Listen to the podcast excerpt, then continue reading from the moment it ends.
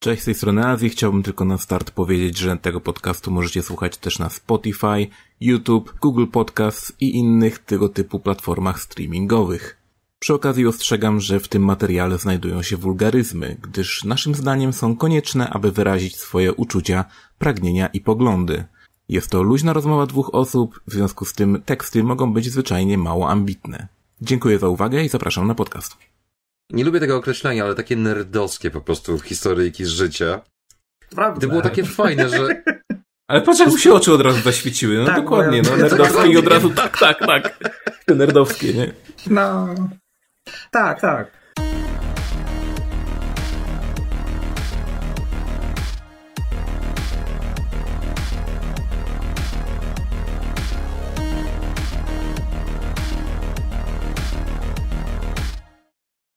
Witamy serdecznie w kolejnym, 21 odcinku najlepszego i najgorszego jednocześnie podcastu Pograduszki. Jest ze mną Konsolajte, to znowu ja. a z tej strony Azji. Dziękuję bardzo za to, że kliknęliście, za to, że chcecie oglądać, za to, że oglądacie tak często, za patronów, których jest cały jeden. Też bardzo dziękuję. Za to, że po prostu ogląda ktoś to. Czasem sam się dziwię, że ktoś tak siedzi sobie i myśli, a co obejrzę akurat albo posłucham podcastu Pograduszki. Dwóch zrzęźliwych tetryków. Nie, nie, nie wiem. Nie wiem dlaczego to, to robicie, ale okej. E, Więc tak. Mm, Dzisiaj będziemy mieli specjalnego gościa. Karnasia Um, zaprosiłeś?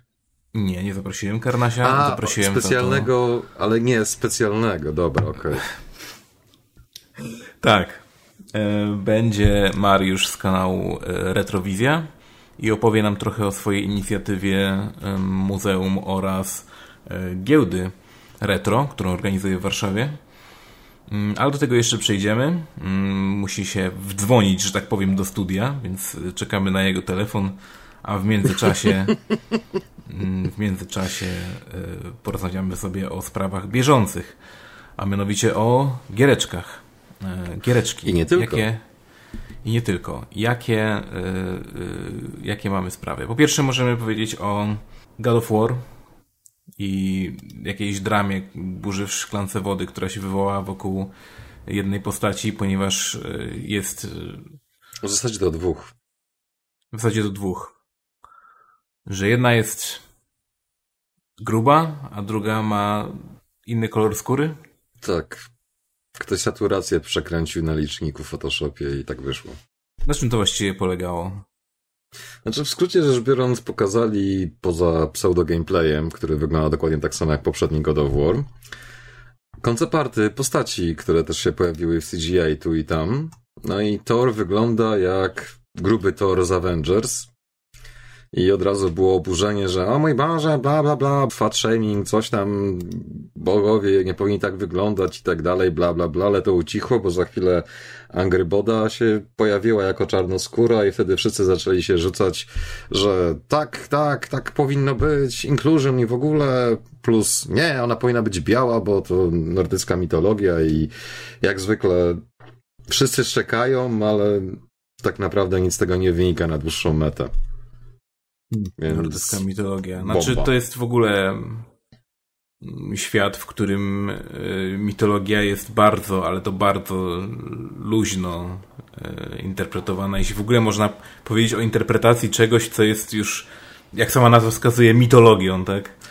No, mnie to najbardziej bawi, że praktycznie w przypadku God of War, to tak mówisz, to ma wspólnego z mitologią to, że są jakieś postacie i tyle, jakiś tam setting Z sporadyczny. różnych mitologii przy okazji. No, ale na przykład nawet ta oryginalna trylogia, czy tam kwadrologia, czy jeżeli te sequele, prequele i interquele weźmiemy pod uwagę, no to bez obrazy.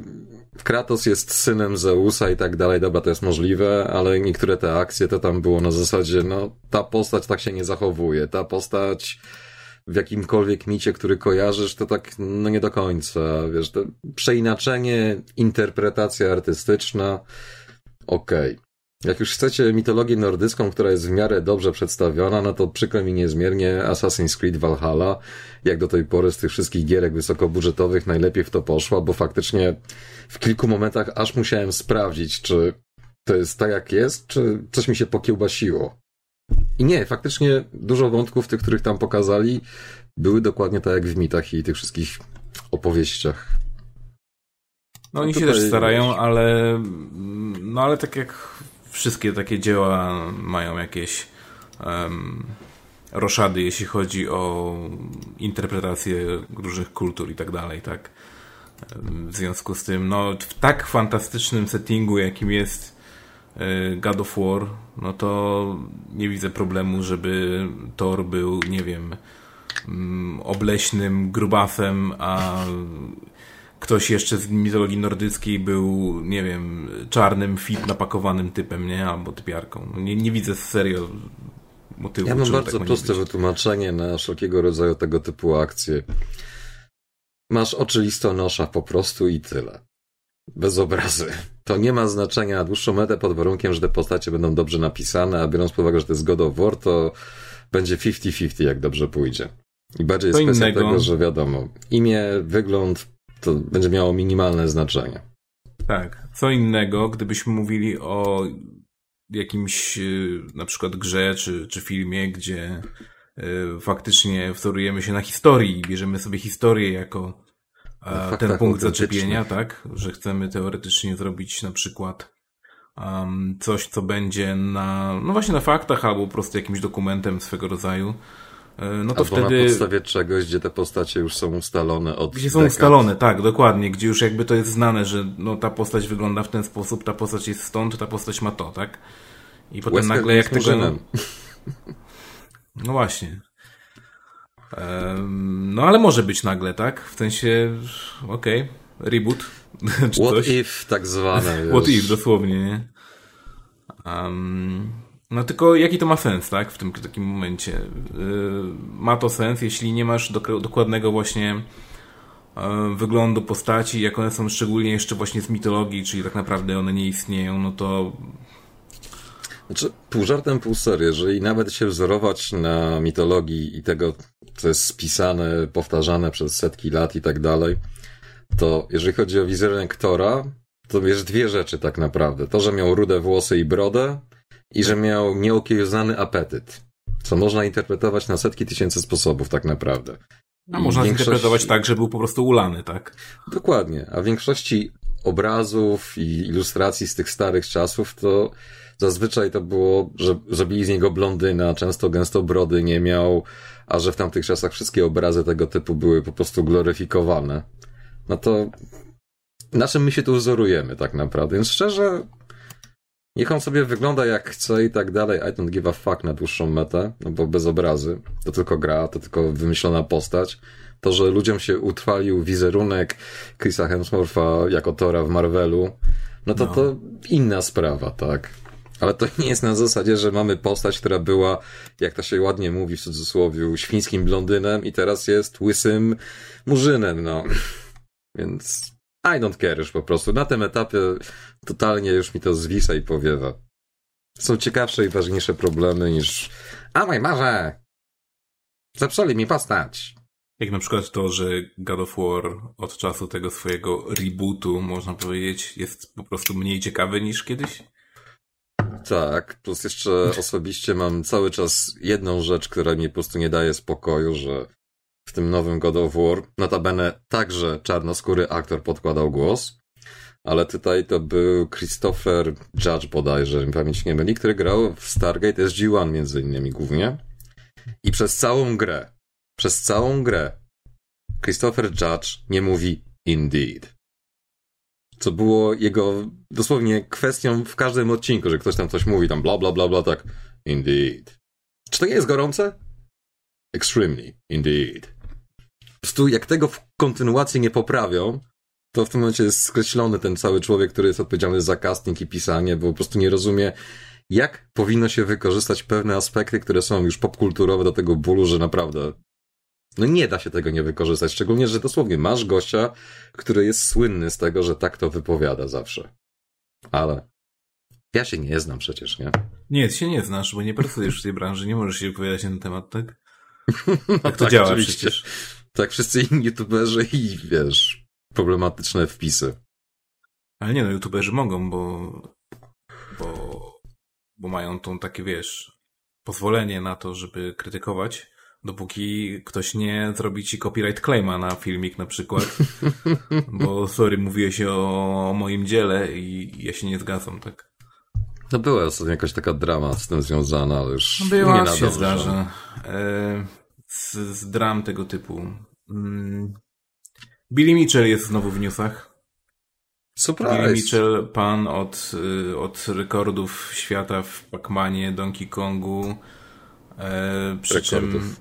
To właśnie rekordy są tak potwierdzone, że nie są potwierdzone właściwie. I są, jest dużo dowodów na to, że wcale to nie są legalne rekordy, w sensie są zrobione na y, emulatorach, bądź w ogóle nie ma żadnych dowodów na, na, na ich Czy prawdziwość tak naprawdę. Chyba o remhackach czy coś takiego było, ale już mogę się mylić, bo Tak, było, było podejrzenie, że grał tego. na MAME, ponieważ e, według tam analizy któregoś tam filmiku, który wrzucił, faktycznie e, znaleźli po prostu glicze wideo, które się pojawiają tylko i wyłącznie na MAME, tak? No ale tak, to w, jest teraz w newsach, ponieważ e, oskarża takiego typka z YouTube'a Karla Jobsta o to, że e, ten powiedział o nim, że przez... Znaczy nie powiedział tego dokładnie, ale że y, Billy Mitchell przyczynił się do samobójstwa Apollo Legend, typa, z którym miał z kolei też inną sprawę w sądzie, który miał problemy zdrowotne, który został pozwany przez Billy'ego za to, że ten mówił o tym, że on jest oszustem.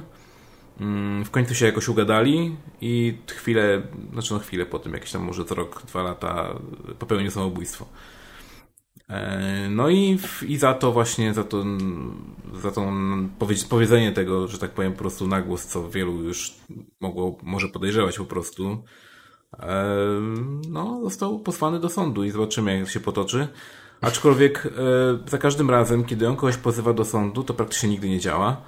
E, Co jest w ogóle mega zabawne, bo pozwał to chyba... jest gamingowy Trump po prostu. E, On tak. dużo mówi i straszy, ale koniec końców, jeżeli nawet kogoś poda do sądu, to potem się okazuje, że w ogóle nie było rozprawy, albo że przegrał tą rozprawę i siedzi cicho.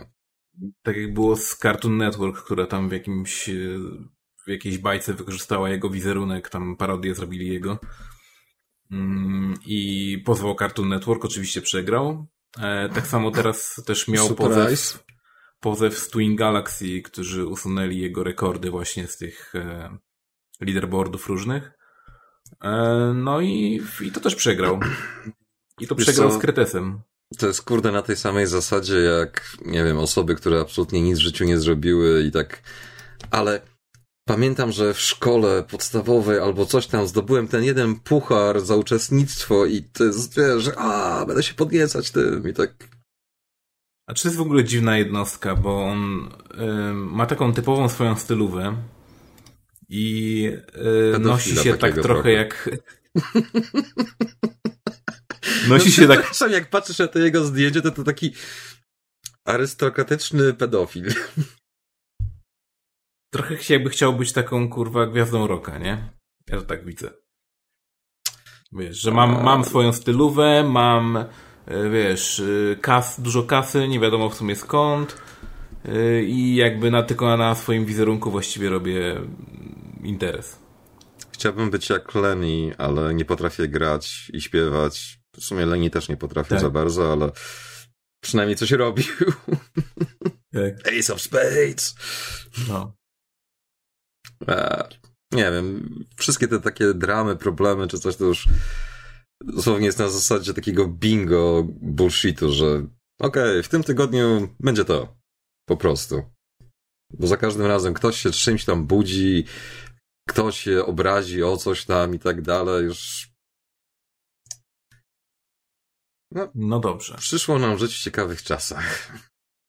To prawda.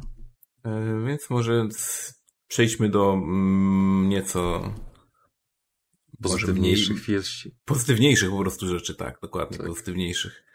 E, Czyli do giereczek. Powiedz mi, w co grałeś ostatnio? Poza Guilty Gearem? Poza Guilty Gearem. A, kina The Shadow, coś tam, Spirits Whatever, czyli najprościej A, mówiąc Zelda No tak. na PS4 tak, tak. i PC i PS5. I jest to jedno z tych pozytywnych zaskoczeń, kiedy odpalasz grę i masz takie, Boże, jakie to jest fajne, urocze. Kurde, pamiętam jak gry kiedyś takie fajne były, że nic cię nie irytowało, tylko chciałeś pograć, chciałeś poznać ten świat, zobaczyć, co jest dalej i tak dalej, wiesz. I faktycznie nie tak przeszkadzało ci. No jest urocza. Jest po prostu urocza, ale urocza na tej zasadzie, że nie tylko te stworki, takie ala minionki czy coś w tym stylu, co tam biegają i w zasadzie wykorzystujesz je jako mechanikę, ale też to, że świat jest tak zbudowany, że jest taki bajkowy, ale nie taki bajkowy, przerysowany, tylko taki, że nawet masz szansę być w pełni realistyczny na swój sposób. Więc to jest takie świetne, plus to, że ta gra jest po prostu kolorowa. Nie ma peace filtera, nie ma jakichś tam akcji, nawet te takie elementy, co są zniszczone przez korupcję i tak dalej, to są takie, że patrzysz i okej, okay, urocze, no bajkowe po prostu. A potem patrzę, że to są goście, którzy robili wcześniej filmy animowane, CGI i tak dalej, tak, okej, okay, to już wiem dlaczego, no wszystko jasne po prostu. Okej. Okay. Ja jak tylko widziałem tą giereczkę, to się dziwiłem, dlaczego ona nie wyjdzie na e, Xboxa, ale chyba wyszła, wychodzi też na PC, albo już wyszła też. Jest na PC też i mhm. z tego co się orientuję, to jest chyba albo czasowy ekskluzyw, albo konsolowy ekskluzyw, tylko i wyłącznie. Więc cholera wie, czy to się pojawi na innych platformach. Moim zdaniem powinno, bo akurat jest na tyle ładne i na tyle fajne i cena jest świetna, bo mimo, że to jest pseudo AAA, podkreślam pseudo, to kosztuje tam 150-160 zł wersji podstawowej, wersji Deluxe 200, ale to są jakieś tam skórki dla stworków i rzeczy, które są absolutnie zbędne, żeby się cieszyć tą grą. No dobrze, ale pytanie jest, czy gra się fajnie? No właśnie tak. Okej. Okay. Masz to jest właściwie najważniejsze, czego się bałem. Nie, naprawdę jest fajnie i nawet te gimiki takie, że tam masz te stworki, wysyłasz je tu, żeby tam na przykład coś zrobiły i tak dalej. Na przykład wiesz, normalnie tam masz jakąś umiejętność w stylu magnetyczne buty czy coś takiego. Tutaj głównie się stworkami to robi. Na przykład każesz im przenieść kamień, który pozwoli ci wskoczyć na inną platformę. Albo masz tam korupcję, no to wysyłasz jej takiej, jak to nazwać, wąż z tych stworków stworzony czyści tą korupcję i tak dalej. Jak masz walkę z przeciwnikami, to masz takie roślinki, które możesz właśnie wysłać i one ci w tym momencie energię regenerują. E, masz też coś takiego jak odwaga chyba, czy coś takiego to się tłumaczy tam, że jak naładuje ci się pasek, to możesz tych stworków użyć jako dodatkowego ataku i tym podobne. Przyjemnie. Nic ambitnego, nic odkrywczego, ale czasami to wystarcza, że się dobrze bawisz, bo wszystko to, co powinno działać, działa tak, jak powinno, a nie na zasadzie, no to jest fajne, to jest fajne, to jest do niczego, mm, to mnie irytuje, a to nie, wszystko jest takie streamlight po prostu. Tak, te stare Zeldy i od razu mówię, nie Breath of the Wild, bo Breath of the Wild to jest jedna Zelda, a ja mówię o Zeldach, starych Zeldach. Czyli biegasz, skaczesz, znajdujesz przedmioty, rozwiązujesz zagadki, idziesz dalej, a nie, że masz pseudo otwarty świat i tym podobne. Znaczy ja jeszcze nie lubię Zeldy, z, nie, niektórych przynajmniej starych wydań Zeldy, ponieważ e, można tam mocno utknąć e, i są pewne momenty, kiedy naprawdę nie masz zielonego pojęcia co zrobić i jakiś jeden gdzieś NPC mówi ci, żeby podłożyć bombę w jakimś totalnie randomowym miejscu, na przykład, żeby przejść dalej, no sorry. Ale nie, ale to jest... Yy, I to jest właśnie mój problem z Zeldami głównie, że ale zawsze po to jest utykam. official guide. Dlatego nie lubię Nintendo. były te guide zawsze albo w dniu premiery, albo były. miesiące przed premierą gry już można było kupić. I Dlatego nie lubię Nintendo. Bo to było Ty nie lubisz Nintendo było... z innych powodów.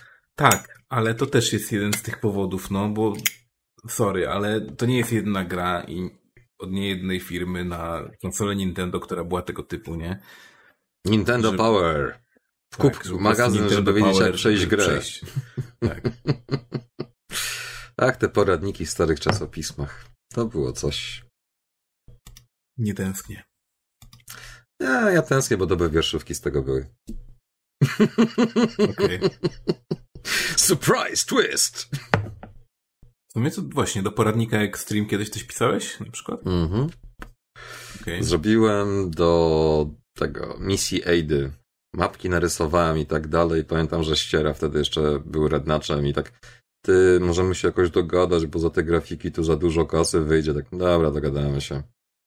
Ale musiałem po prostu wrzucić tam kilka rzeczy na zasadzie, że tak a teraz opis misji dla Bitch in the Red Dress. Bo to była kwestia, która mi się najbardziej podobała w całym Rezydencie czwórce. Jak ona nam się pojawia i ten taki, no, ten zły, gruby, wielki, umięśniony, tak Well, well, isn't the bitch in the red dress? Tak, sold! Idealne podsumowanie postaci w jednym zdaniu. Nawet nie zdaniu. Saida w czwórce świetnie wyglądała i lubię tę postać po prostu. I like bitches? Okay? No tak, bo ona miała tam cały jakby dodatkowy dodatkowy poziom rozgrywki, nie? W sensie, że miała znaczy dwa miała. kampanię taką jakby jej. No bo na GameCube była dodatkowa misja, a potem na PS4 zrobili praktycznie cały rozdział z nią dodatkowy. Ale kurde, ja pamiętam, że mam tą taką w Steelbooku wersję na PS2 i tam chyba też było. No tak, no bo na GameCube była jedna misja dodatkowa, a w wersji na PS2 i pozostałych zrobili z nią ten dodatkowy rozdział, gdzie poza tą Właśnie, misją na no. wyspie, mhm. to jeszcze tam po tych kanałach się biegało, po tej lokacji tam, gdzie Leon był i miała tam swoją firmową, że tak powiem, czerwoną sukienkę. Tak, tak, tak. Która musi powrócić w każdej kolejnej części Residenta, bo jak nie, to to, to nie jest Resident, to nie jest Aida, po prostu. Pamiętaj o czarnym łyskerze. Ja czekam, to bo, boisz się zmian? Boisz się zmian? Tak jesteś? Ejdy. Nie, po prostu chodzi o to, że nie lubię patrzeć na postać i się zastanawiać, co to jest za postać, dopóki mój mózg nie zarejestruje, że aha, to jest ta postać, która tak się nazywa i tak się zachowuje, ale to nie jest ta postać, którą kojarzysz. Ale już się tak nie zachowuje i nie wygląda. No to już super pomaga w ogóle w interpretacji i zrozumieniu, co ty oglądasz, nie? Tak. Ja to czekam, aż Nintendo będzie w kierunku wołki zrobi czarnoskórnego tego Mario. O. To chcę zobaczyć. I nie mówię jakiejś skórce, tylko nie. Czarny Mario po prostu, z jakimś afro zamiast tej czapeczki. I z tego afro wyciąga jakieś przedmioty, które wiesz tam rzuca, czy coś w tym stylu. Co nie właśnie, odnośnie Mario, to był Nintendo Direct nie tak dawno. Nie. I tam też zapowiedzieli właśnie, że będzie animowana seria Mario. Znaczy bardziej potwierdzili, bo o tym tak? filmie to się od lat już mówi. I, I o tyle to jest zabawne, że dali cast e, voice aktorów i trochę Chybiony. się zdziwili. W sensie, no był taki troszkę z dupy moim zdaniem, ale spoko. W sensie Okej. Okay. Jack Black jako Bowser to jest z highlightów takich. E, nie wiem, kto tam jeszcze był z takich mm, Anna Joy z Queen's Gambit i tak dalej, to akurat jestem A, tak, ciekaw, tak, jak ona tak. sobie poradzi. Znaczy, ja lubię na nią patrzeć, niekoniecznie słuchać, ale jestem ciekaw, jak sobie poradzi, jeżeli chodzi o kwestię głosu. A Chris Pratt jako, Boże, Mario. Tak, tak. To mi się kojarzy z takim castingiem typowym kto teraz jest gorący, kogo tak. wszyscy lubią. Tak, dokładnie. To tak właściwie wygląda cały ten casting. Albo nie wiem, kto wygląda jak ten aktor, którego chcemy, ale jest za drogi. O, to tak. jest tak samo wyglądający. Taki wiesz, discount kurde Tom Hardy na przykład. A cały internet się jara właśnie tym, tym castingiem, więc no, Bo okay. Nintendo, bo Chris Pratt, bo Jack Black, bo, bo Nintendo, bo Miyamoto się pojawił, A skoro wyciągnęli już, go hejtujemy, wyciągnęli go z szafy, nie? Odmrozili go z karbonitu, nie? Jak Hanna Solo. No, ale w, no nie wiem, ja się osobiście zawiodłem mega po prostu. Znaczy w sensie nie miałem żadnych jakby tam nic, nic mnie, na nic nie czekałem, że tak powiem, a i tak się zawiodłem oglądając ten e, Direct. E, zawiodłem się na Nintendo w ten sposób, że mm, dodają gierki z Nintendo 64 i z Genesisa. I nie byłoby w tym nic złego, e, że dodają, ale trzeba to płacić. To jest DLC do subskrypcji tak naprawdę, tak. Dokładnie, tak ci pisałem, kurde, DLC do usługi, to po prostu wiesz, wszystkie elektroniki i te inne firmy to tam psy na nich wieszają, ale tutaj dosłownie dopłacasz do subskrypcji. To nie jest tak jak był Xbox Live i Xbox Live Gold, bo to było akurat jasno wyjaśnione. A tutaj Dosłownie, zapłać za to, żeby mieć kilka gierek ekstra. Czyli nie oszukujmy się, ich subskrypcja ogólnie jest całkiem tania. No najtańsza. subskrypcję online tych wszystkich konsol. E, ale jednocześnie oferuje najmniej. Ja bym powiedział, że nic tak naprawdę nie oferuje. No masz Virtual Console, tak? I masz te darmowe gierki online typu Tetris 99, tak? I to tyle. I powiedz mi, w ile tych gier faktycznie grałeś, a ile tych gier skończyłeś? Kończyliśmy River City Ransom. To się nie liczy, to było pod publikę. Mówię Okej. prywatnie. E, prywatnie ogrywałem sobie Twinbee i tę te, te, te, drugą wersję tego Twinbee na Super Nintendo. Um, trochę tego, tam był jeszcze Wild Guns, ale to właściwie to są trzy gry z Super Nintendo, które ogrywałem tak naprawdę, e, które przy okazji ogrywa się do końca w jedno posiedzenie, nie? Więc... e, Dokładnie. To jest plug and play po prostu. tak. E, Nie, żeby nie było, nie ma w tym nic złego, ale no, jeśli chodzi o oferowane właśnie gry, no to na przykład taki Game Pass, no to w ogóle nie ma podjazdu, nie, do tego, więc o czym mówimy. No nie no, w Game Passie to ja faktycznie gram i kończę te gry. Więc skoro A już e, jakby rynek tak działa, że jak coś się stanie, to więcej osób to kupi pewnie. W związku z tym, jeśli by dodali to bez żadnych dopłat, to wtedy więcej osób odnowi subskrypcję, to odżyje po prostu, będzie to dalej działać i byłoby to fajne. A tak to trzeba dopłacić. Ha! Jeszcze, żeby było śmieszniej, to możesz sobie y, kupić najwygodniejszy pad do tego, do grania w, w te gry. Czyli pad z Nintendo 64, który teraz wypuszczają do, e, do Switcha. Czyli będziesz miał bezprzewodowy pad do Nintendo 64. Jestem ciekawy, czy będzie miał tak samo chujowy analog, jak miał podstawowy pad. Oczywiście, że tak. Oryginalny. Jeśli tak, to będę się śmiał po prostu, bo już, już widzę, ile części zapasowych na AliExpress będzie sprzedawanych do tego.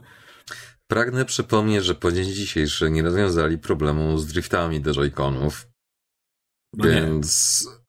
Ty myślisz, że Nintendo zainwestowało, żeby poprawić technologię sprzed, nie wiem, 20 lat czy coś takiego? Nie wiem. Ja nie, nie sądzę, naprawdę. Wątpię, żeby to było coś więcej poza. Okej, mamy pada, dobra, co trzeba zrobić, żeby był bezprzewodowy? E, usunąć kabel. No, no, no, no, no. I dodać receiver. No, i coś jeszcze? Nie, wystarczy, fuck it. Po prostu. No ale tak, e, dziwi mnie tylko to, że mm, no kurde, jakby jestem ciekawy, czy są ludzie, na pewno są, ale kurde, to musi być jakaś straszna nisza, e, którzy faktycznie chcą zagrać na padzie z Nintendo 64, którzy pamiętają tego pada i sobie myślą, tak, to był dobry pad, chcę na nim zagrać. Wiesz co, podejrzewam, że jak nasz gość się pojawi, to będzie miał na ten temat coś do powiedzenia. Ja osobiście powiem tyle. To jest po prostu taka mania retro, retro, ale w tym złym kierunku najgorszym, jaki może być. Bo to Tak, jest bo takie... jeszcze pad do żerowanie. który dają, to, to spoko, w sensie, ne, no, był okej. Był normalny pad po prostu, najnormalniejszy padzik. Od maszyny od Saturna jeszcze, nie? Ale działa z Genesisem, więc... I działa ze Switchem. Tak! To był jeden z wielu powodów, dla którego chciałem, więc dziękuję rozkminiatorze za spóźniony prezent świąteczny. No. Pozdrawiamy. To skoro już mamy e, to za sobą, że tak powiem, Tak. mm, no to w takim razie wdzwania się tutaj do nas e, Mariusz, więc poświęćmy chwilę, pum, żeby pum, go pum. tutaj wpuścić.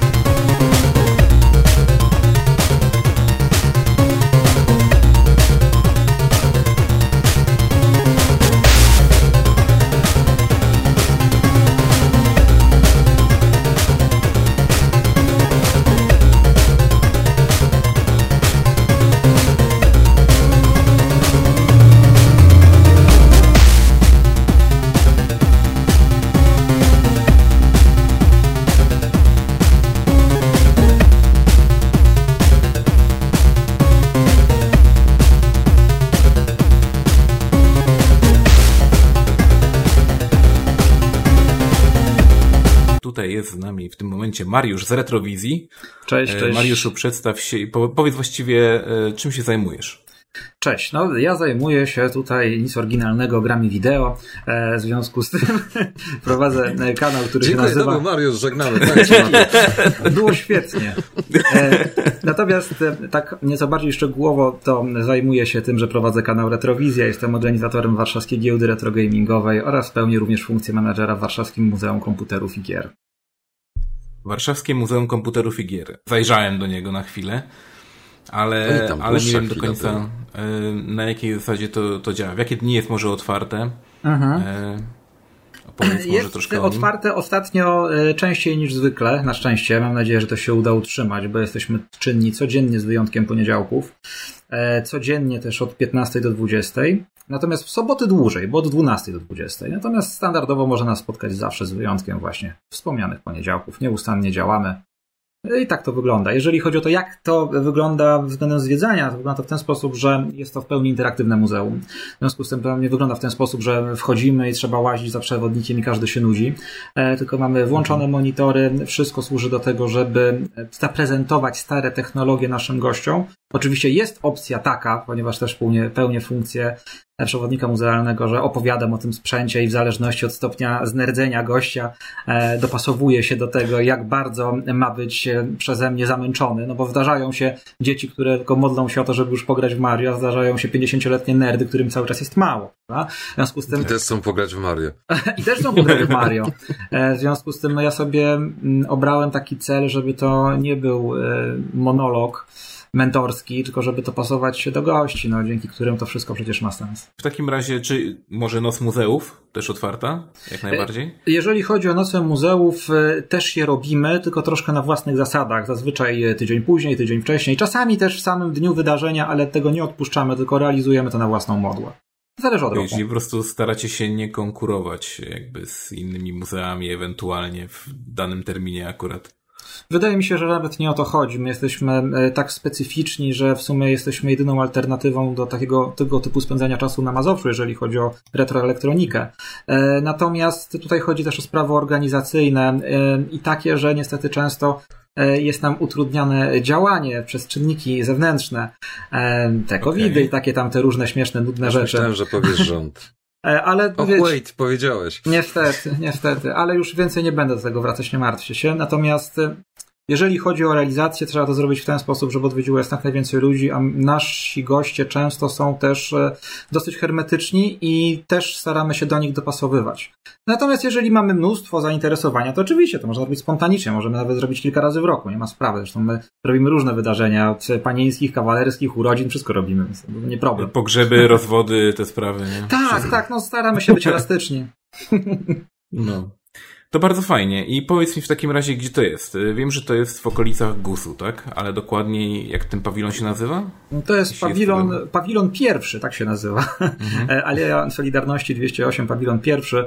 E, Ogółem chodzi o to, że e, co jest największym problemem, z czym właśnie walczymy graficznie, jeżeli chodzi o efektywne przedstawienie tego na plakatach, to to, że trzeba zejść po prostu Tak. schodami i trzeba być na dole, E, a wszyscy nas szukają na górze, a na górze to jest pizzeria i GUS, a my jesteśmy właśnie w podziemiach e, Warszawskiej Giełdy Elektronicznej i jak już tam zejdziemy, no to nas widać, bo jesteśmy największym pawilonem, więc to jest Zrób na plakatach taką tubę z Mario ze strzałką, że musisz zjechać do sekretnego levelu.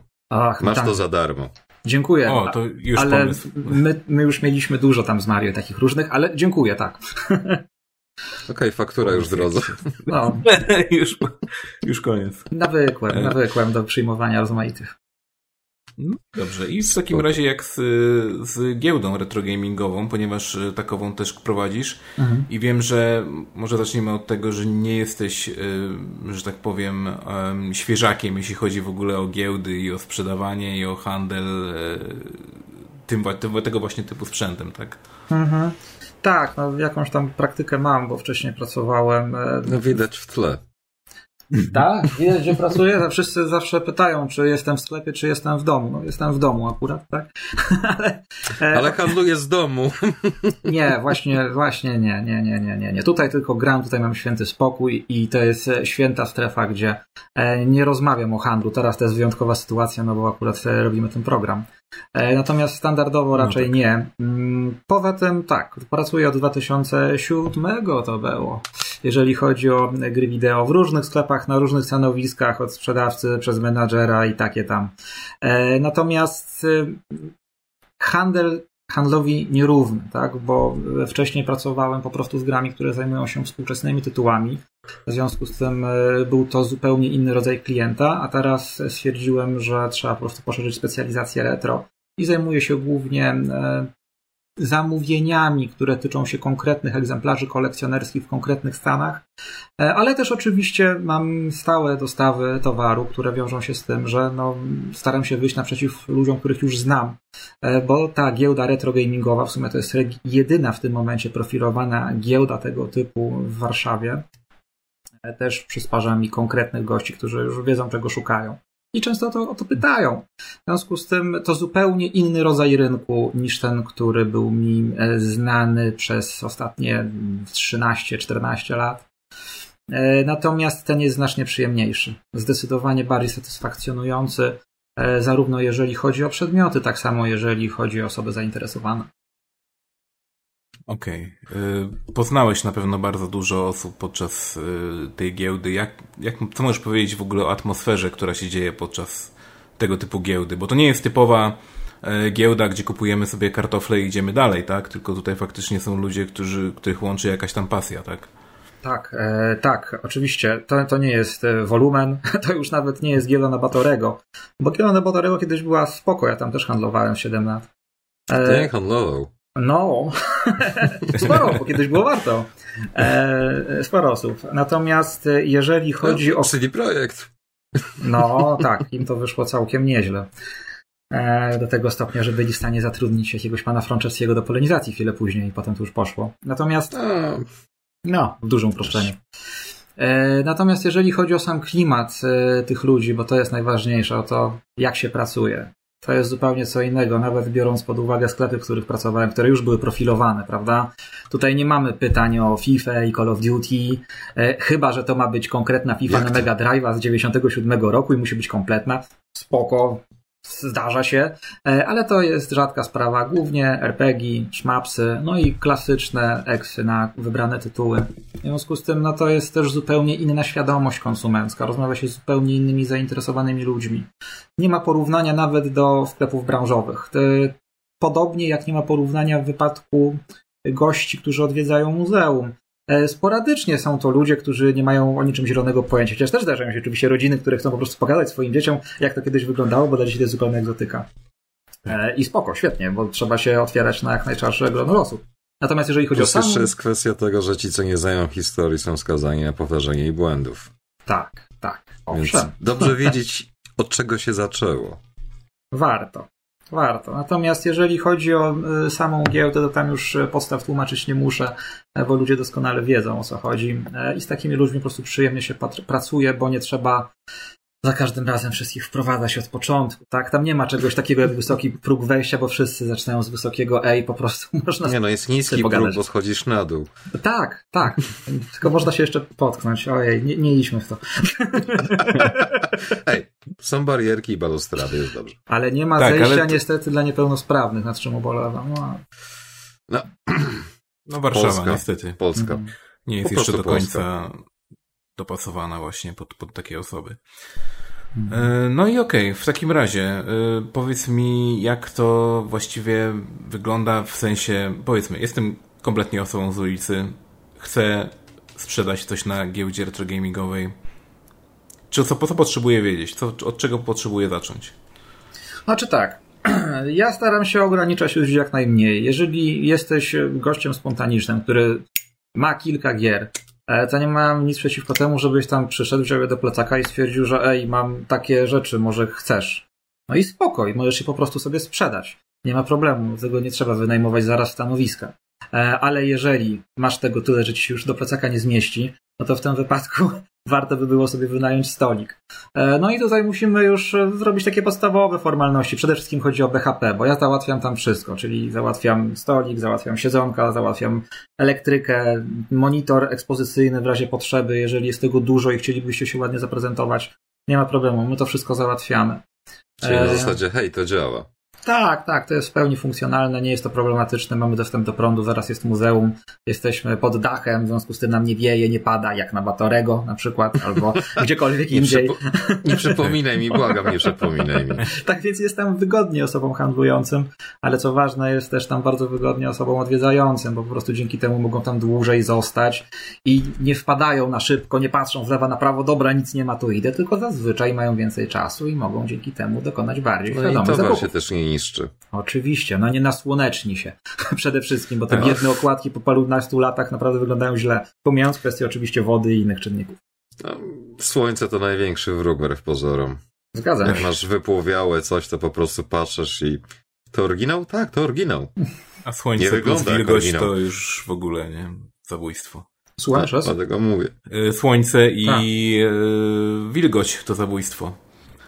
Szczególnie dla płytek, y, które Mhm. też wiemy teraz Discrot mocno dotyka y, stare gierki, szczególnie na Saturna. Ludzie strasznie narzekają, że stare gierki Saturnowe dostają Discrota. Mm, Nie bez powodu. Płytki Mhm. to jeszcze pół biedy, możesz backup zrobić, gorzej z pudełkami. No, nie wiem, 4 czy i te backup stare. ma już taką samą wartość jak... y, Nie, nie, chodzi wiesz, mi o to, że backup możesz mieć do użytkowania, a tam swój oryginał to wiesz, tak jak ja.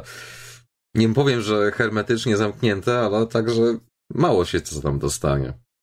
Okej. Przynajmniej No, taki jest czy plan wiecie- rzeczywistości, zobaczymy. Znaczy, y, na szczęście rynek też wychodzi naprzeciw takim kolekcjonerom i to wszystko, o czym mówicie, nie jest oczywiście bezpodstawne. Bardzo wiele zależy od wilgotności w pomieszczeniu e, i bardzo wiele zależy od tego, jak będziemy dbali o samą hermetyczność. No tutaj trudno zachować hermetyczność niestety zazwyczaj, chociaż jest to wykonalne jak najbardziej. Natomiast no to jest już... folia, Tak, te pudełka, o których wspominałeś, te specjalizowane takie. Tak, protektory. E, No. Więc jak najbardziej, jak najbardziej. To jest wykonalne. Natomiast jeżeli chodzi o Discrot, taką degradację tych płyt, to ja na szczęście się z tym jeszcze nie spotkałem, ale wiem, że ma to miejsce. Natomiast Mhm. jeżeli zadbamy właśnie o ten odpowiedni poziom wilgotności, a sami jesteśmy świadomymi użytkownikami, które Czego wymaga, jest, czego tak naprawdę powinno się wymagać od użytkownika płyty? Tego, żeby ją odkładał na miejsce do pudełka. No większość nieświadomych użytkowników tego nie robi, to jest main deal, główny problem, tak? Wystarczy to Tak. odłożyć i nie rzucać i będzie nieźle, tak? I nie maczać w kałużach. Będzie całkiem Będzie spoko. nieźle, po prostu będzie działać. Nie stawiać kawy na tym, czy coś w tym Tak, stylu. tak. O, Jak o nie, to ale to chodzi. przecież takie ładne się świeci, możesz sobie kawę na tym postawić, yy, nie spadnie ci, nie wiem, nie wyleje się, to wyleje się na płytę, jakby co to wytrzesz, tak wiesz, tak. Materiał, nie? Tak, tak, tak. O tak. papier ścierny. koniecznie pagony. E, ale wiecie, wiecie co, jeszcze, e, bo takie podstawowe zasady higieny tak naprawdę życia codziennego ratują nam retro, ale jeżeli jesteśmy purystami, co też rozumiem, no bo domyślam się, że jednak no press start trafia też do bardzo kompetentnych ludzi jednak. Wciśnij start, wciśnij start. Wciśnij start, Jesteśmy przepraszam. Polskim podcastem. Nie mylić z press start, tak? A, bo też jest, okej, spoko. Ani Pressfire, ani 50 Okej, okej. milionami mutacji. Wciśnij start. Dobrze. Natomiast chodziło o to, że najważniejszym aspektem jest to, że rzeczywiście ta profesjonalna scena też wychodzi naprzeciw graczom, bo można robić te backupy. Są bardzo dobre systemy, które już w tym momencie naprawdę nie służą do piracenia, tylko do tego, żeby mieć oryginalne gry, najlepiej właśnie w stanie nienaruszonym, najlepiej w foliach, w protektorach i robić sobie kopie zapasowe, tak? I to się również tyczy części zamiennych do konsol, jeżeli chodzi o napędy optyczne. One się niestety zużywają. W przeciwieństwie, Wiem. no właśnie. W związku z tym też można je zastąpić czymś, co będzie zapisane na karcie SD. I nie chodzi o piracenie, tylko o realne robienie kopii zapasowych. No już nie mamy lat 90., to nie musi być żart. chciałem zapytać, jakie jest twoje podejście, bo jeżeli chodzi o nasz gamingowy krąg, że tak powiem, to Mhm. zawsze jest ta odwieczna batalia, że Romy to zło, piractwo i tak dalej, bla, bla, bla, bla, bla, bla, kiedy tak naprawdę w większości przypadków, przynajmniej z mojego punktu widzenia, to jest tak, że to jest po prostu zabezpieczenie, tak? Bo masz coś, co kupiłeś kiedyś, nie wiem, darzysz jakąś sympatią, masz tym związane jakieś tam uczucie, jak zło, tak zło, czy to będzie love-hate, czy po prostu czyste love, czy czyste hate, I don't fucking care Mhm. Ale że po prostu chcesz mieć to tak, że nie wiem, jak cię za 10 lat najdzie ochota, to po prostu wyciągniesz to z szafy i odpalisz. I czy to będzie na oryginalnym sprzęcie, który jeszcze się trzyma, czy to będzie właśnie na backupie, czy to karta SD, czy coś w tym stylu, to jakie jest twoje podejście? Jestem ciekaw. Trochę tak jak butelka dobrego wina, nie? Czy, czy pić ją z y, jakiegoś super kieliszka, czy generalnie zwykły taki z Ikei wystarczy, tak? Wiecie z kartonu. Co? E, zależy od tego, jak duża jest e, doskonałość emulacji i czy jest to emulacja, czy robimy to wszystko na oryginalnym motherboardzie, tak? E, bo tutaj doskonałym przykładem jest to, co zresztą Polacy, Polak osiągnął w postaci e, GDM-u do Dreamcasta, gdzie mamy stuprocentową kompatybilność i tam nie ma żadnych kompromisów jakościowych, jeżeli chodzi o ROMy. W związku z tym kupujemy sobie GDM-u, gramy na oryginalnym Dreamcastie. I teraz e, to jest stuprocentowe doświadczenie, jeżeli chodzi o to, jak gramy. Chociaż z drugiej strony, jeżeli się będzie ekstremalnym purystą, to można narzekać na to, że loadingi są zbyt szybko, że nie ma dźwięku lasera. Ojej, że zaoszczędziłeś ileś sekund swojego życia, niesamowite, no straszne, po prostu jak ty będziesz żył. Spotkałem się również z takimi głosami e, i nie chodzi o to, że jestem ich entuzjastą, ale jeżeli, wiecie, to jest tak samo jak w muzeum, jak przychodzą do mnie osoby, które chcą pograć na Atari czy na Commodore 64, to mimo tego, że mamy tam kartridże, które udostępniają duże biblioteki gier do natychmiastowego grania, to ludzie pytają, a to nie można podłączyć magnetofonu, nie można sobie sobie tak. ustawić tak. anteny śrubokrętem. Oczywiście można. pół godziny?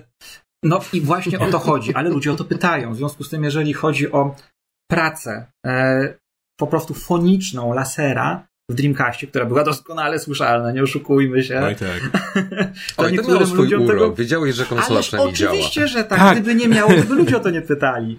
Tylko y, wiecie, no coś za coś, tak? Ja trzymam swój laser oddzielnie w siateczce i jak kiedyś zapragnę go usłyszeć, jak będzie mi ojciec ginął w Shenmu przy piorunie, no to usłyszę sobie jak Rio będzie krzyczył no do piorunu, tak? Git. Boże, to sobie wyobrażam taka super, że ja nie mogę. super jakaś, wiesz, czy to romantyczna, czy to jakaś e, smutna scena i w tym momencie nagle czarny ekran i tylko laser. Tak, tak. Bo ja, ja to Ale to dodaje, właśnie w ten sposób. magii. Oczywiście, to jest tak, jakby ten piorun się niósł Trochę po pokoju tak. za pośrednictwem tego lasera. no. Ale okay, no, fajny sposób interpretacji tego, ale tak, ja zawsze odbierałem to jednak trochę śmieszniej, trochę mnie to odrywało od doświadczenia, ale, ale ma, ma, to, ma to swój urok i co, przez co urok nie zawsze jest, jest dobrym tak urokiem. No to jest kwestia niestety tego, jak postrzegamy to, co pamiętamy. Czyli mhm. rzeczywistość tak. weryfikuje bardzo szybko, że to, to, tak nie do końca. Bo na przykład, tak żeśmy na giełdzie rozmawiali odnośnie Amigi i tak dalej, że o, mam to, to, to, to, to, fajnie, ale często gęsto wolę po prostu odpalić to na emulatorze, że na przykład, nie wiem, Walker, którego lubię, ale loadingi w tej grze, choćby nie wiem, jak piękna była ta animacja z pseudopartikli, z tą dyskietką obracającą się i wymianą i tak dalej. Nie, ja już to przeżyłem, naprawdę nie chcę tych iluś minut marnować na to, żeby to oglądać. To jak magiczne accessing disk i tym podobne w grach Team 17. Znam mhm. tą ikonkę tak dobrze, że już po prostu nie potrzebuję jeszcze jej mieć po raz kolejny. Chyba, że na koszulkę będę chciał wrzucić sobie.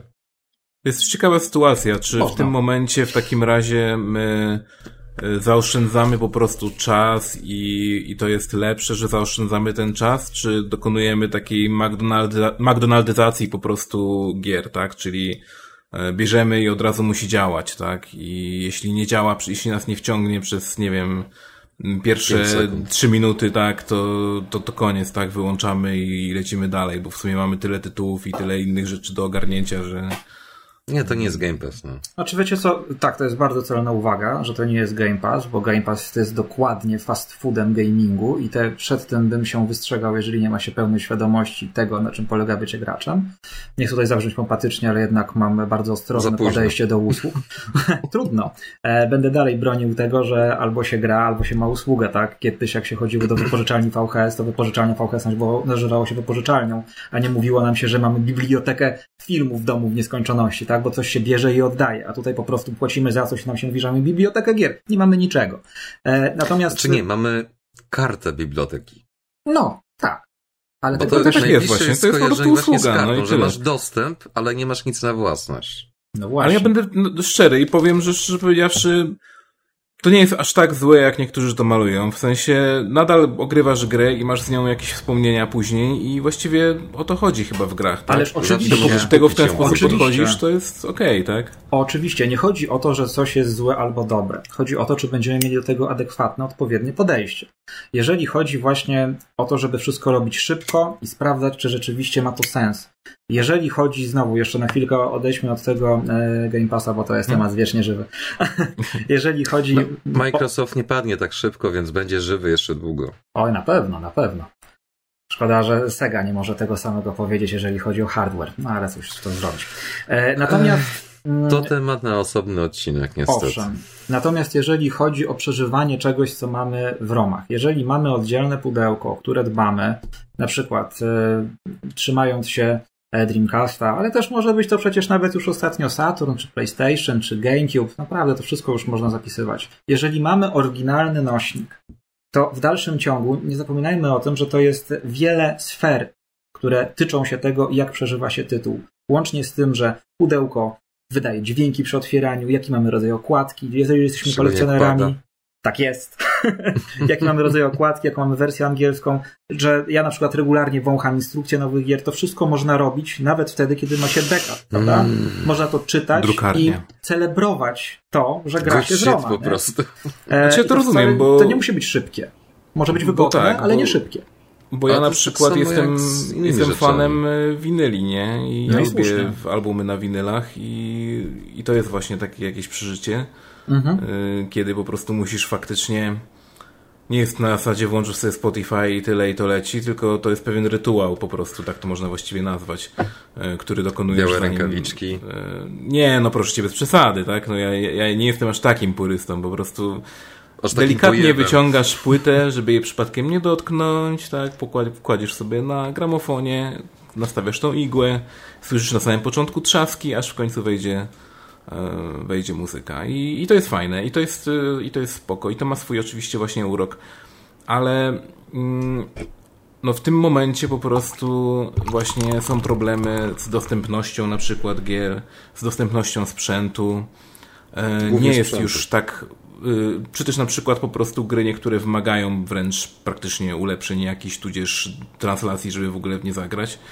E, Więc nie negowałbym też e, emulacji przez ewentualny pryzmat tego, że to może być piractwo, bo moim zdaniem ciężko piractwem nazwać coś, e, co jest na przykład zagraniem w tytuł, do którego zwyczajnie nie masz dostępu, bo po prostu musiałbyś go kupić za e, 700 zł od jakiegoś na przykład e, kolekcjonera e, i to jest moim Albo zdaniem troszkę bez sensu.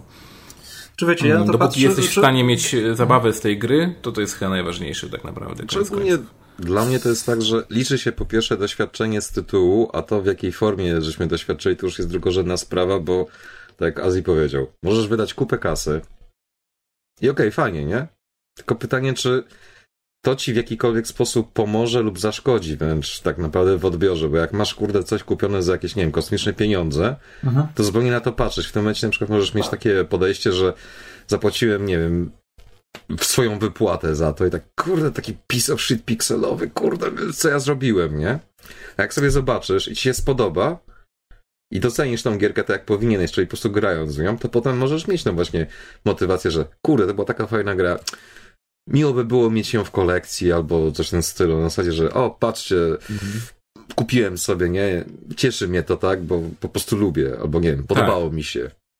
Jak najbardziej, to właśnie chciałem powiedzieć, że próbowanie To czegoś, czego nie mamy, nie bardzo dobrze, no wkończyłeś myśl. To, że puenta jest taka sama, jak to przed chwilą powiem, to już twoja wina. Zawsze jest moja wina, zawsze jest moja wina. Jestem odpowiedzialny tylko za gradobicie i koklusz. Dobrze. Natomiast e, rzeczywiście do tego też podchodzę w ten sposób e, i też wielu moich znajomych, że chcieliby w coś zagrać, ale to jest absolutnie niedostępne. W związku z tym ściągają sobie tę grę z netu, po czym się okazuje, że jest świetna i warto na nią wydać pieniądze. Często nie małe. Tylko, że e, wiecie, jeżeli coś jest warte teraz, jeżeli chodzi o rynek kolekcjonerski, to możecie mi wierzyć, że za 5 lat będzie warte 150% więcej przynajmniej, jak nie więcej. W związku z tym, jeżeli coś nam się podoba, to zazwyczaj to kupujmy. Bo nie dość, że jest to rozsądna inwestycja, jeżeli jesteśmy chociażby minimalnie zorientowani w rynku, naprawdę. Tutaj ciężko jest przepłacić za coś, co jest retro i teraz kosztuje 5 Oj, stów. oj, oj, oj, oj. Serio, serio. Naprawdę. Zawsze można przepłacić, zawsze można. Jak udowodniła Jeżeli... ostatnio aukcja tego e, Super Mario, tak? Tak, no ale to był, to był akurat wałek, jeżeli chodzi o kolaborację dwóch firm. Jeżeli jest się kompetentnym graczem, który kolekcjonuje od kilku lat przynajmniej, to wie kiedy inwestować, a kiedy nie inwestować. A tak, ale też wszyscy, wszyscy znamy też takie powiedzenie, że y, są ludzie, którzy potrafią sprzedać lud Eskimosom, tak, więc... Y... Tak, oczywiście. Oczywiście, no, musimy polegać to, na własnej kompetencji, no, nie ma siły. ile ktoś jest w stanie zapłacić.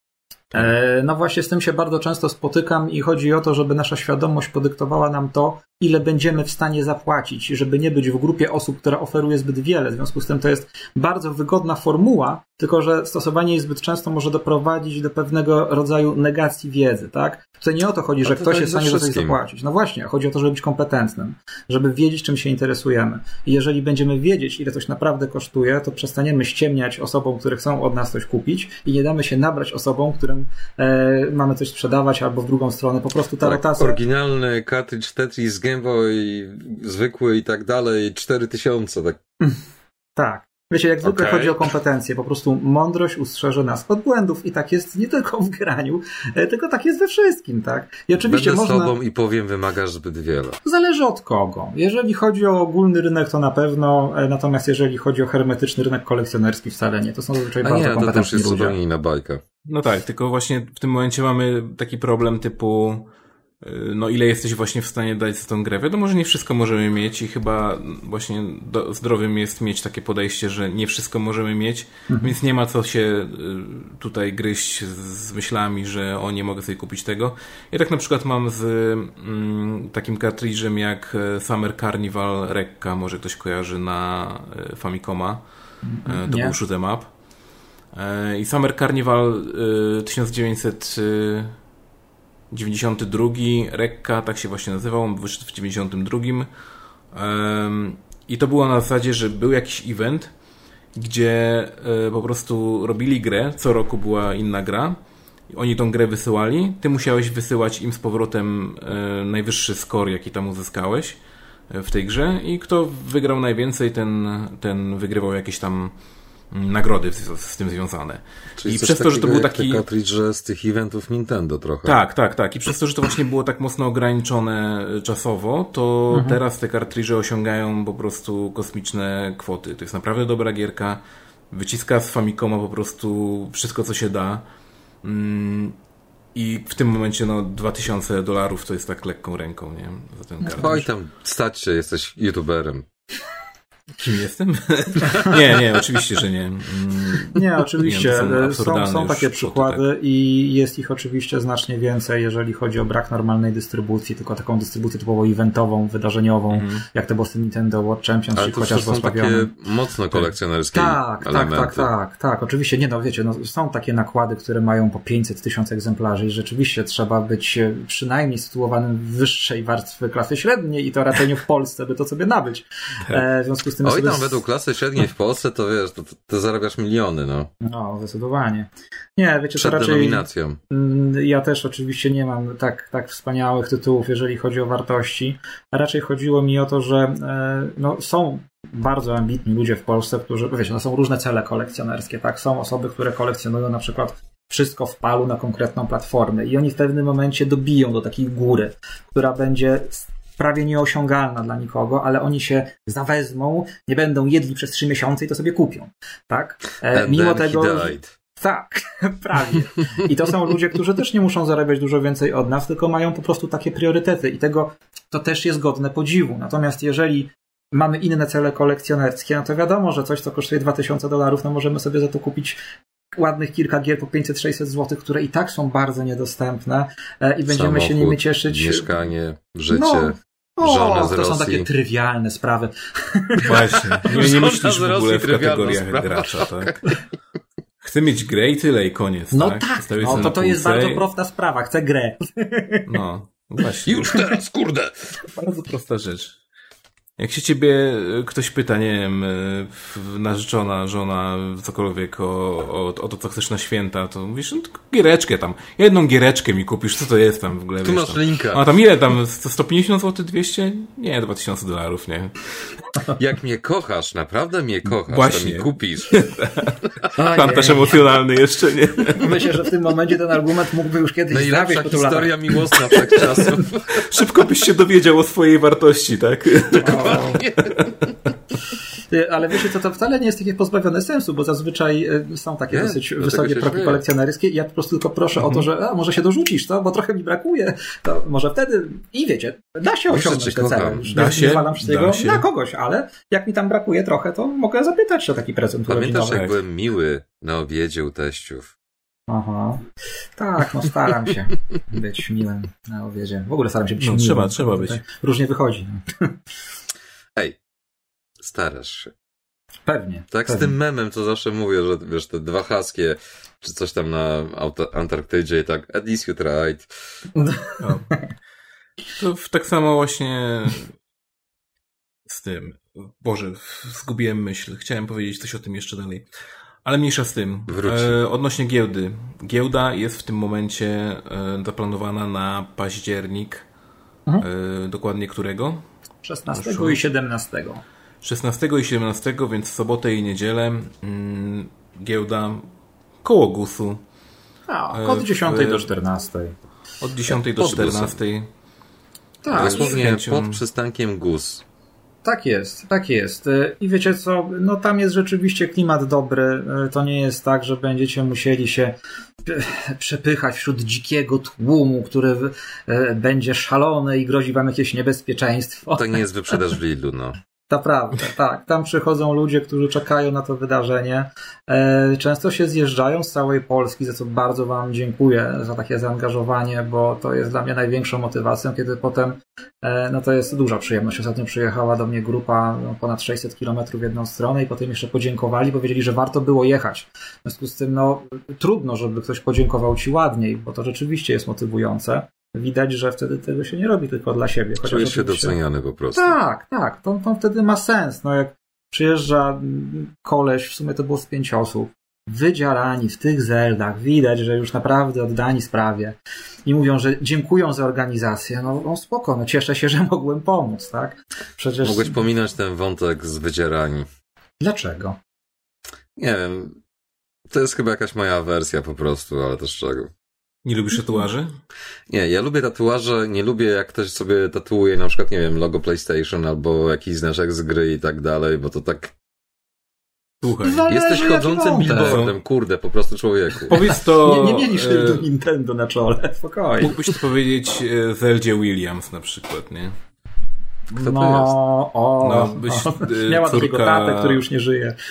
Tak. A, okej, dobra, siostra, tfu, córka, Boże. Córka No. Williamsa.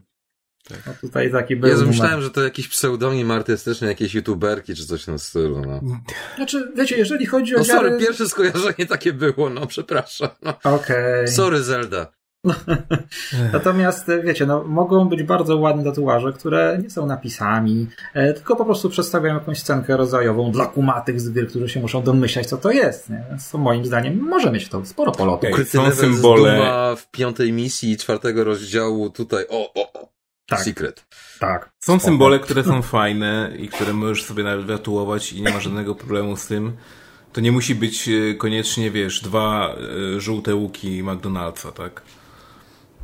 Ale jakbym zobaczył gościa z tatuażem, który ma logo McDonald'sa, to bym powiedział szacunek za głupotę.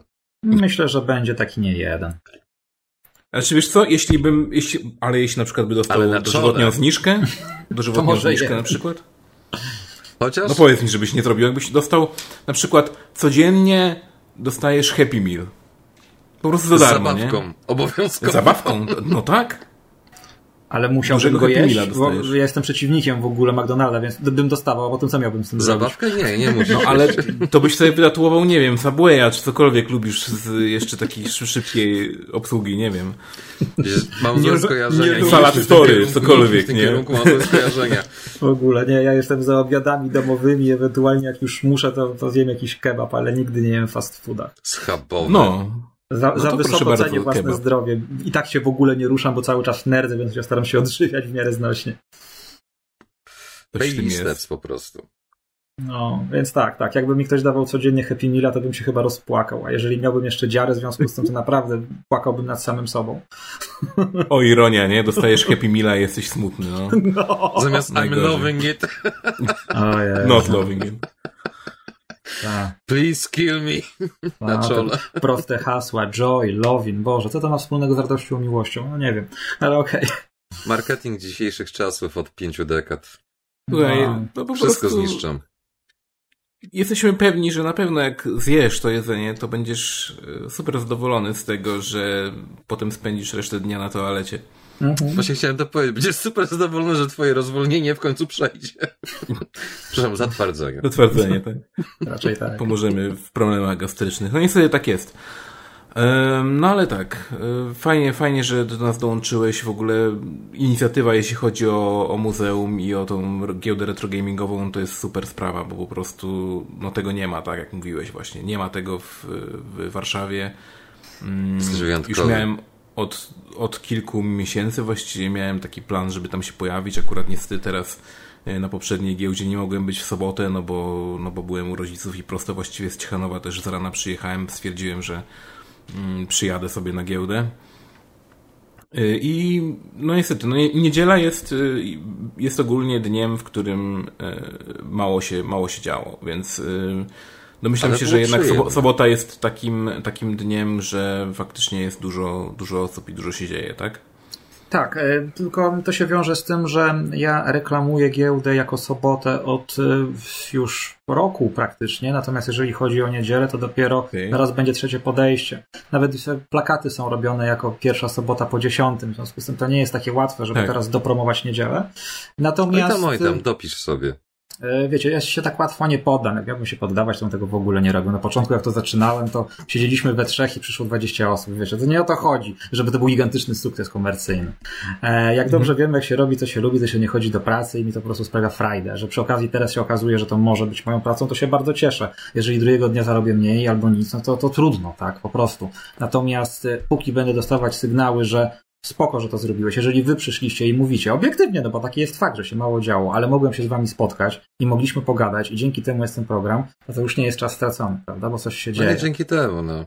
No, między innymi prawdopodobnie, to no są naczynia połączone. Coś jakoś tam więc jakoś wiecie, tam, że tak powiem, dodało do tego. To jest wartość dodana w każdym razie. Dokładnie. Oczywiście, oczywiście, więc... Znaczy, powiem tak, nie... byłeś no. inspiracją do tego, żeby ciebie zaprosił. Tak, kurde, mamy gościa, który praktycznie rzecz biorąc przez nie wiem ile tam godzin żeśmy siedzieli, to opowiadał cały czas fajne historyjki. Nie na zasadzie, a bo wiecie, jak coś kiedyś zobaczyłem, to kupiłem za 5 groszy i potem sprzedałem za 5 tysięcy i tak dalej. Tylko nie, takie, nie lubię tego określenia, ale takie nerdowskie po prostu historyjki z życia. Prawda. To było takie fajne, że ale patrz, jak mu się oczy od razu zaświeciły. No tak, dokładnie, no nerdowskie i od razu tak, tak, tak. Te nerdowskie, nie? No. Tak, nie, no, bo tak. kurde, było dosłownie czuć, wyciekającą z każdą wypowiedzią pasję z twoich wszystkich rzeczy. Bo to było tak, że coś tam opowiadasz, o patrzcie, patrzcie, o wy to, to tam docenicie i przynosisz jakiś badzie w cudzysłowie, nie? Tam, no wiem, że to tam jakaś tam torba, coś tam, bla, bla, bla, ale no, wiesz, docenisz, o, tak, bo wy kojarzycie, nie? I to tak było miłe, że po prostu to nie było na zasadzie i co, pięć dych jest twoje, bla, bla, bla, tylko tak nie tyle zachęcałeś, co po prostu, kurde, powiedziałeś historię do każdego praktycznie elementu, który miałeś na stoisku. I na tej zasadzie, że nie tam tak w Asterixie i Obelixie, że kurde, za, ten, chwalą swoje dziki, że tam drą ryja, czy coś takiego, tylko tak wiesz, z sercem, z energią, z entuzjazmem, z pasją. Takie coś, co kurde ostatnio brakuje w naszej branży, że po prostu tak, gra jest wspaniała, cudowna, fantastyczna i tak dalej, bla, bla, bla, bla, bla. A u ciebie było czuć, kurde, że nie dość, że cię to jara, to jeszcze jesteś w stanie o tym coś powiedzieć. A co ważniejsze, to nie są puste slogany. Tylko faktycznie, okej, okay, ty w to grałeś, ty jesteś w stanie powiedzieć, co w tej grze jest fajnego, czy warto, czy nie warto, dlaczego to jest tyle warte, jeżeli chodzi o kwestię ceny. To było takie miłe, po prostu zaskakujące, że ja pierdolę, no po prostu można, można, nie? No dziękuję, że tak mówisz. Przyznam, że staram się, by to, co powiedziałeś, było prawdą, bo ja rzeczywiście żyję grami wideo od bardzo, bardzo wielu lat już. E, nigdy nie byłem związany z niczym innym, jeżeli chodzi o moją pracę, z wyjątkiem pracy na budowie, na studiach i roznoszenia gazet w liceum. E, ale... A, czyli robiłeś te wszystkie schodki i te wiszące bloki w Mario. Tak. Natomiast e, wiecie, jeżeli chodzi o, o granie, to mm, praca to jest tylko kilkadziesiąt procent z całości tej pasji i to na pewno nie jest 50%. To jest po prostu dopełnienie. E, I przede wszystkim się gra. E, a też wiemy doskonale, że nie tylko chodzi o samo granie, tylko też zdobywanie wiedzy, czytanie książek o grach, e, czy też śledzenie konkretnych twórców, artystów, A to muzyków, którzy na tworzą sekundkę, mhm. bo dzisiaj przed nagraniem wyskoczyło mi powiadomienie swojego kanału, polecane, niepolecane i przyznam szczerze, że cholernie mi się podoba ta forma, bo jest uniwersalna. Nie musisz znać języka, nie musisz absolutnie nic wiedzieć, tylko. Tak. Język. To jest e, tak pięknie wymowne. Tak. Ja znaczy, wiem, że obraz wart tysiąca słów, ale w tym wypadku te kilkadziesiąt klatek filmiku naprawdę perfekcyjne podsumowanie tego, coś pokazał, szczególnie z tym Przy okazji trochę, trochę też zmieniło, zmieniło się jakby mm, to, co myślałem na samym początku, jak odpaliłem właśnie ten filmik. Bo tak myślałem, o, pokazuję tą właśnie książkę o tych konsolach, tak, ale z tego co ja pamiętam, to ona nie była taka super dobra i tak... Mm, nie, nie, nie tak. była. To była ta, ta, ta jednak lepsza, tak? No. no i faktycznie i, i, i, te gierki od tym y, bodajże, o Boże, jak oni się nazywają, Bitmap Games, czy jakoś... Bitmap tak, tak. robił. Tak, Bitmap tak, Brothers. Oni wydają tak, całą tak, masę tak. książek fajnych. To, znaczy książek, artbooków, super, które na no upartego no, można nazwać książkami. Artbook plus trivia, nie? Czy wiecie, ja też chodziło mi o to, żeby e, już z drugiej strony też niekoniecznie skupiać się na tym, by robić taką dogłębną recenzję, która już też się pojawiała w polskim internecie i była już dobrze zrobiona. Już, już naprawdę powiesili psy na tej książce. Nie ma co się pastwić nad tymi ludźmi. Oni już Łatwo wiedzą, jest że... też krytykować. Oczywiście, Gorzej, że tak. kiedy wiecie, musisz się wykazać wiedzą. Oczywiście, wiecie, bo jeszcze wracając do tego, żeby nie było, że jestem kolejną osobą, która dokłada swoją cegiełkę, cegiełkę, cegiełkę niechęci, tak? E, bo nie, to moja działka, spokojnie. Twórcy od początku prosili o to, żeby odpowiedzieć im, co o tym branża sądzi i branża im odpowiada. To jest ich pierwsze podejście. W związku z tym, mimo tego, że okej, okay, trzeba stwierdzić, niestety obawiam się, że relatywnie obiektywnie, że nie wyszło to najlepiej, to można mieć nadzieję, że ta krytyka trafi na bardzo podatny grunt i kolejna książka będzie lepsza, po prostu. Zresztą to też nie jest tak, że jeśli oni będzie. zatem, jeśli będzie, że ta książka to kosztowała miliony złotych. Nie, to było tam pięć dych chyba nawet z przesyłką jest to na kredowym mhm. papierze. Jest to zrobione dosyć źle, bo bardziej to jest atlas niż encyklopedia, a jakby byłbym niemiły, to Mówię, bym nazwał to, to broszurą. Wikipedia po prostu wydrukowana, no. Tak, no, ale z drugiej I nawet strony... No, nie no, Wikipedia, tylko ale... snippets po prostu z Wikipedii. Wiecie co, biorąc pod uwagę proporcje jakości do ceny, to mogło być gorzej. Naprawdę, mogło być gorzej. E, może Ale... będzie lepiej. No zobaczymy. Wiesz, no. Jest jedna taka polska książka, takiego. Znaczy, kurde, przepraszam. O kurde, książka. wiem o czym powiesz, proszę cię. Jednego polskiego autora, który zrobił książkę. I w porównaniu z tym, to to jest naprawdę wysoki poziom. Mhm. Jeżeli nie tak, wiecie o co chodzi, nie... to odpowiem w kolejnym odcinku, o którą książkę chodzi. Okej, okay, może ją przyniesiesz nawet, może ją gdzieś masz tam u siebie.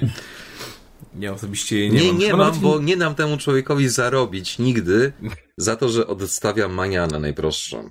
Ale, ale jeśli chodzi o, o tak, no to faktycznie, no jeśli, wiesz co, dopóki oni po prostu przyjmują krytykę na zasadzie, że nie ma jakiegoś tam um, Spadaj, nie dziwnego, dziwnego właśnie odpychania tej krytyki, bo czasami tak jest, że twórcy Aha. na przykład się tak mocno nie zgadzają z krytyką, że muszą koniecznie odpowiedzieć czymś innym, nie?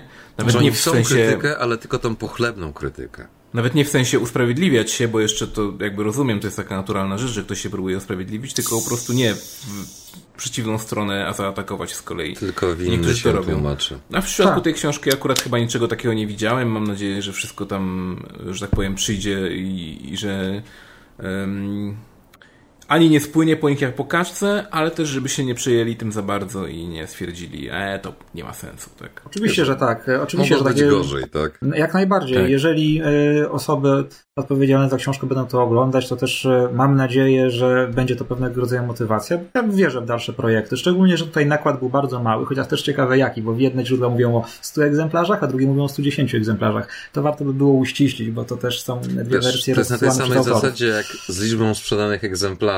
To, co poszło do sklepów, to jedno, a to, ile sklepy sprzedały, to już inna bajka, ale firma się zawsze chwali, że sprzedali ileś tam czegoś. No Prawda, dobra, ale, Ale to tego ciężko zalega, powiedzieć, nie? wiesz, bo, bo naprawdę ciężko jest, jeśli chodzi o egzemplarze takie, bo mm, do druki są często bardzo randomowe. Jeszcze zależy, jakie wydawnictwo to robiło, ale nie do końca w pewnym momencie można się troszkę pogubić po prostu, jak to faktycznie wygląda, jeśli chodzi o sprzedaż, bo zazwyczaj statystyki sprzedażowe są tuż po wydaniu ewentualnie, tudzież właśnie ile było wydanych sztuk, ale do druki po prostu z tego co wiem, te małe wydawnictwa to potrafią dodrukować sobie na przykład 10 książek. Na zasadzie po prostu nie ma ich, to weźmy, rzućmy Okej. po prostu, żeby w ogóle się pojawiły w jakichś sklepach online czy coś w tym stylu, więc... Pewnie o to chodziło. em, więc nie ma problemu akurat z tym, czy to jest małe wydawnictwo, czy duże, tam mniejsza z tym. Ważne, że w ogóle jest to i, i, i że coś się dzieje, że tak powiem, w tej kwestii na polskim rynku, bo ja bym naprawdę chciał, żebyśmy my mieli takie fajne, jeśli już nawet to mają być atlasy, tak jak, tak jak powiedziałeś, a nie e, Mhm. encyklopedie, to niech to będzie atlas i będzie to po prostu w najwyższej możliwej jakości, z oryginalnymi zdjęciami, z oryginalnymi jakimiś informacjami, których być może ciężko gdzieś znaleźć, albo po prostu ich nie ma. Mhm. E, Albo No wypadałoby jest je potencjał. E, jest, jest jest. w tym potencjał, ale w, ale chyba najgorsze jest to, że po prostu polski rynek jest jaki jest i że to jest nisza, nie? I że ciężko naprawdę się komuś zebrać, żeby mm, to zrobić tak de facto w sumie jako wolontariat, bo to się pewnie nigdy nie zwróci. Nie Znaczy, oszukujmy z polskim rynkiem problem polega na tym, Raczej że nie. jest cała masa specjalistów, którzy dużo mówią, nic nie robią, ale jak przychodzi do czego, to tak, tak, tak, z chęcią coś powiem i gadają głupoty często, gęsto. I potem niestety jest efekt tak zwanej kuli śniegowej, że ktoś coś kiedyś powiedział i to było głupotą, ale że to było powiedziane przez osobę, która ma jakiś tam target, powiedzmy, to wszyscy to powtarzają. Tak, no nie, to, to, to tak nie było, nie? Ale to się I- wszędzie akurat zdarza. Ja wiem, Poza ale w każdej że u nas w kwestii, tej nie? branży giereczkowej to jest właśnie największy problem, że mamy autorytety, które coś tam kiedyś coś powiedziały, ktoś to nieudolnie przeczytał, nieudolnie przepisał, pozmieniał przy okazji coś od siebie i wychodzi z tego taki oksymoron totalny, że ale to, to, to nie ma nic wspólnego z rzeczywistością na dłuższą metę i tym podobne. Ja, Właśnie ja brakuje nie, tego, żeby powiedziałbym tego ludzie wiedzieli, co robią.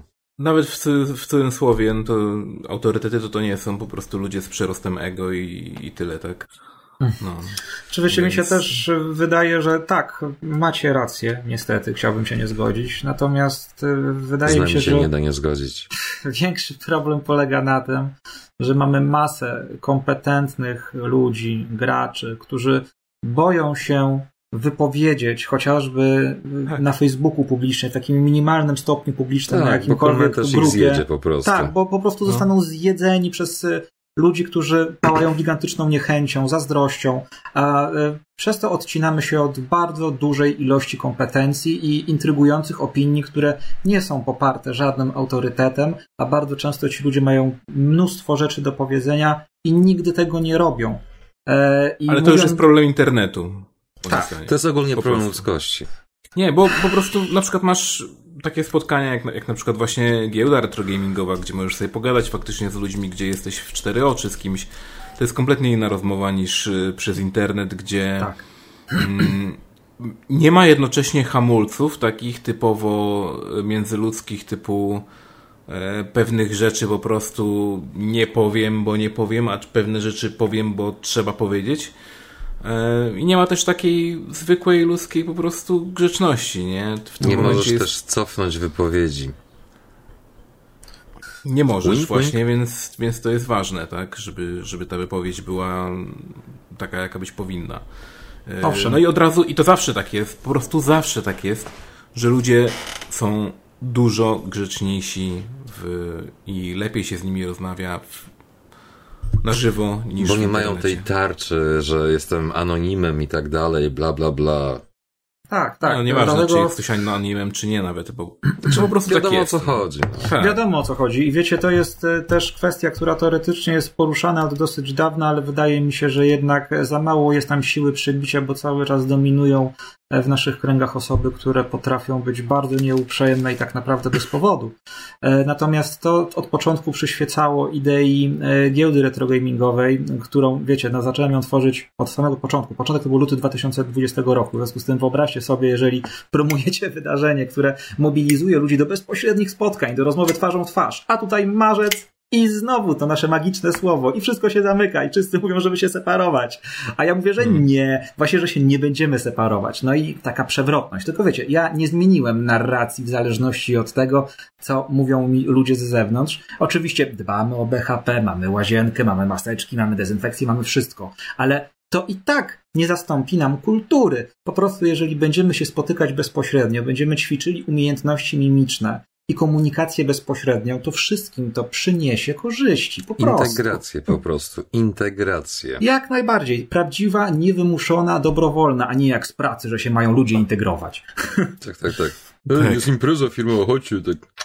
No. Dobra, najewie się i potem jak kogoś wyobrażam, to i tak nie będą pamiętali, bo będą bardziej pijani niż ja. Dziękuję, super, zajebiście. No. Każda impreza firmowa chyba tak wygląda w sumie, no. Niestety. Ewentualnie Tylko pizza party. te imprezy firmowe, gdzie jest zarząd, zarząd, który siedzi i tak kogo wyjebać. Myślę, że to czekają, jest patrzą, a potem liczą, kto wypił ile i tak dalej, to to wtedy co innego, ale jak jest takie pseudo, powiedzmy, grupowe spotkanie, to wiadomo. No. Czułem się przez chwilę personalnie atakowany, ale tak, nie zaprzeczę. tak jest. Hej, jest poprawka, kto to powiedział. No, ja? Ja nie chciałem nikogo atakować. Ja staram się bronić jak tylko kogoś mogę, póki jest grzeczny, to staram się go bronić. Natomiast y, wiecie co, jeżeli chodzi jeszcze o kwestię tego alkoholu, e, to ja się go tam wcale nie wyrzekam. E, I mimo tego, że nigdy nie piję, kiedy akurat prowadzę programy i takie tam rzeczy, bo uważam, że powinienem się skupić raczej na tym, co mówię w tym momencie. Natomiast jeżeli chodzi o Jakaś aluzja? Nie, API. Natomiast jeżeli chodzi o ingerencję e, i w ogóle o to, żeby spotykać się z ludźmi, tworzyć jakąś społeczność, to potem też się przecież spotykamy w knajpie, bo idziemy do tej cybermachiny i tam sobie pijemy piweczko mm. i inne napoje i integrujemy się już na pełnym luzie, tak? Bo chodzi o to, żeby po prostu cieszyć się własnym towarzystwem bez tak, nadęcia. No. I tyle. E, I alkohol w tym bardzo często może pomóc. E, a nawet jeżeli by się okazało, że coś jest nie tak, no to in vino veritas, przynajmniej można sobie coś wyklarować. Więc bez przesady, nie ma co demonizować. A nie na zasadzie komentarz. tak. I 5000 lajków, bo o, ale kurde mu dojebał, boże, jakie fajne. Tak. No ludzie kochają Serio? po sobie jeździć, są takie roasty, nie roasty. No, dlatego właśnie powinniśmy zmniejszyć ilość znaków w komentarzach w Facebooku na przykład, żeby było tylko można wpisać zaorane i to tyle na przykład, nie? Po co więcej pisać? Nie, będzie ikonka po prostu. Wiesz, bo, nie bo tak jest znaku, trochę, nie? Ikonka, w sensie wiesz, no. Czas się liczy, osób... nie? Czas to pieniądz. Tak, tak, Ludzie, którzy tak. mają po prostu y, najwięcej do powiedzenia, w sensie tak faktycznie mają najwięcej do powiedzenia, mają najmniejsze Y, często ego i ciężko im się jest jakoś tak zmotywować, żeby to faktycznie przebić.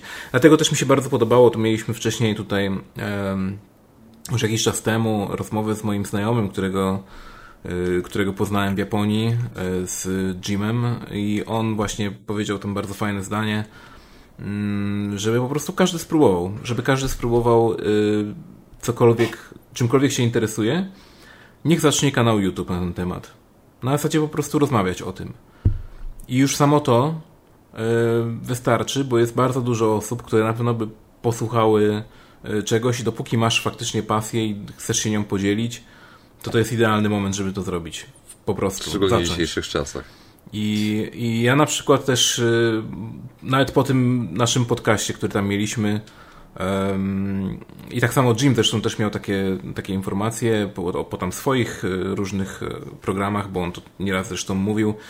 I po tym jak u nas też to mówił, e, to też dostałem informację od jednej osoby, od mojego znajomego, który powiedział, że kurde, patrz, dzięki tobie, dzięki właściwie Jimowi założyłem sobie ten kanał i pokazał mi tam 150 widzów, tak? I sobie po prostu no coś tam tworzy, tak? I, I fajnie, no i o to chodzi, tak? Żeby po prostu się nie bać i, i zakładać swoje własne kanały, dzielić się swoją pasją. Jest masa osób, którzy ma, które mają tą samą na pewno pasję co ty i z chęcią na ten temat porozmawiają i wejdą w jakąkolwiek um, tutaj owocną na pewno polemikę, a nie jakieś tam szuranie po, po Facebooku. Hur, hur, jesteś głupi. I, i, Naprawdę, i pisanie, tak. bo niestety social media, social media są jakie są i, i to jest y, nie, nie boję się tego słowa, w sumie to jest po prostu ściek, tak, na dłuższą metę. Niestety tak. Niestety tak. Po prostu nie zdarzać się, po prostu nie zdarzać się, bo to nie jest łatwe, większość hejtu zawsze się bierze od tych ludzi, którzy sami nic nie robią, więc jeżeli ktokolwiek będzie miał po tym odcinku jakąkolwiek chęć, żeby coś zrobić, nie zarażajcie się tym, że macie mało wyświetleń, albo że macie jakieś małą ilość komentarzy, albo że komentarze są negatywne. Fuck it, po prostu fuck it. Tak, tak. Wiecie co, szczególnie, że e, tak naprawdę, jeżeli nie ma się żadnego hejtera, to znaczy, że zasięgi są słabe.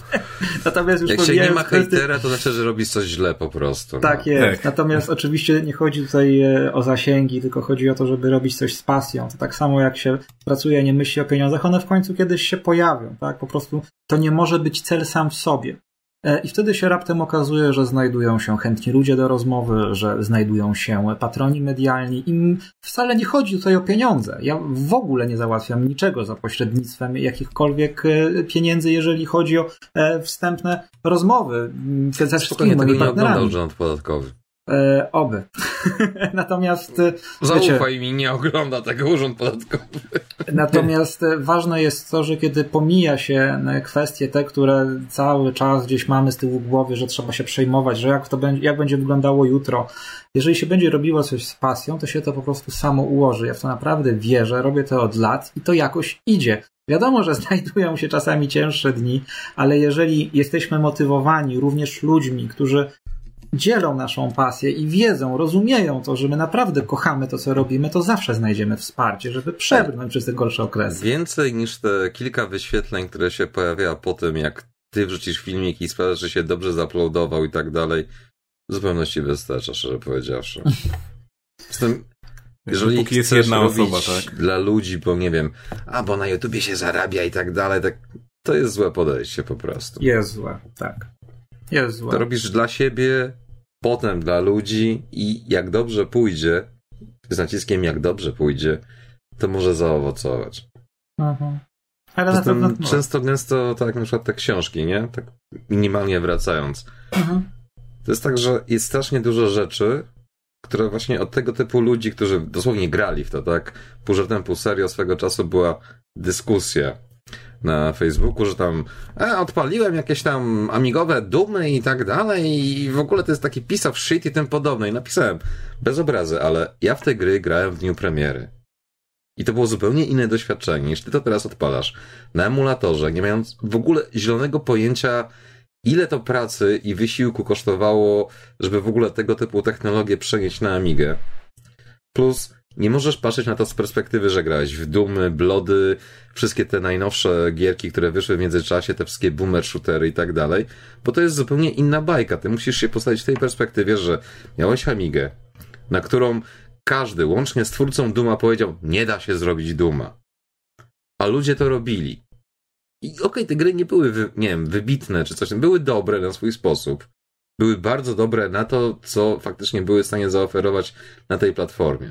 Tak? Oczywiście. Dumy na tego Mega Drive'a czy na Super Nintendo. Odpalasz Wolfensteina. E, okej, okay, no, no to dalej jest Wolfenstein, ale to nie jest Wolfenstein.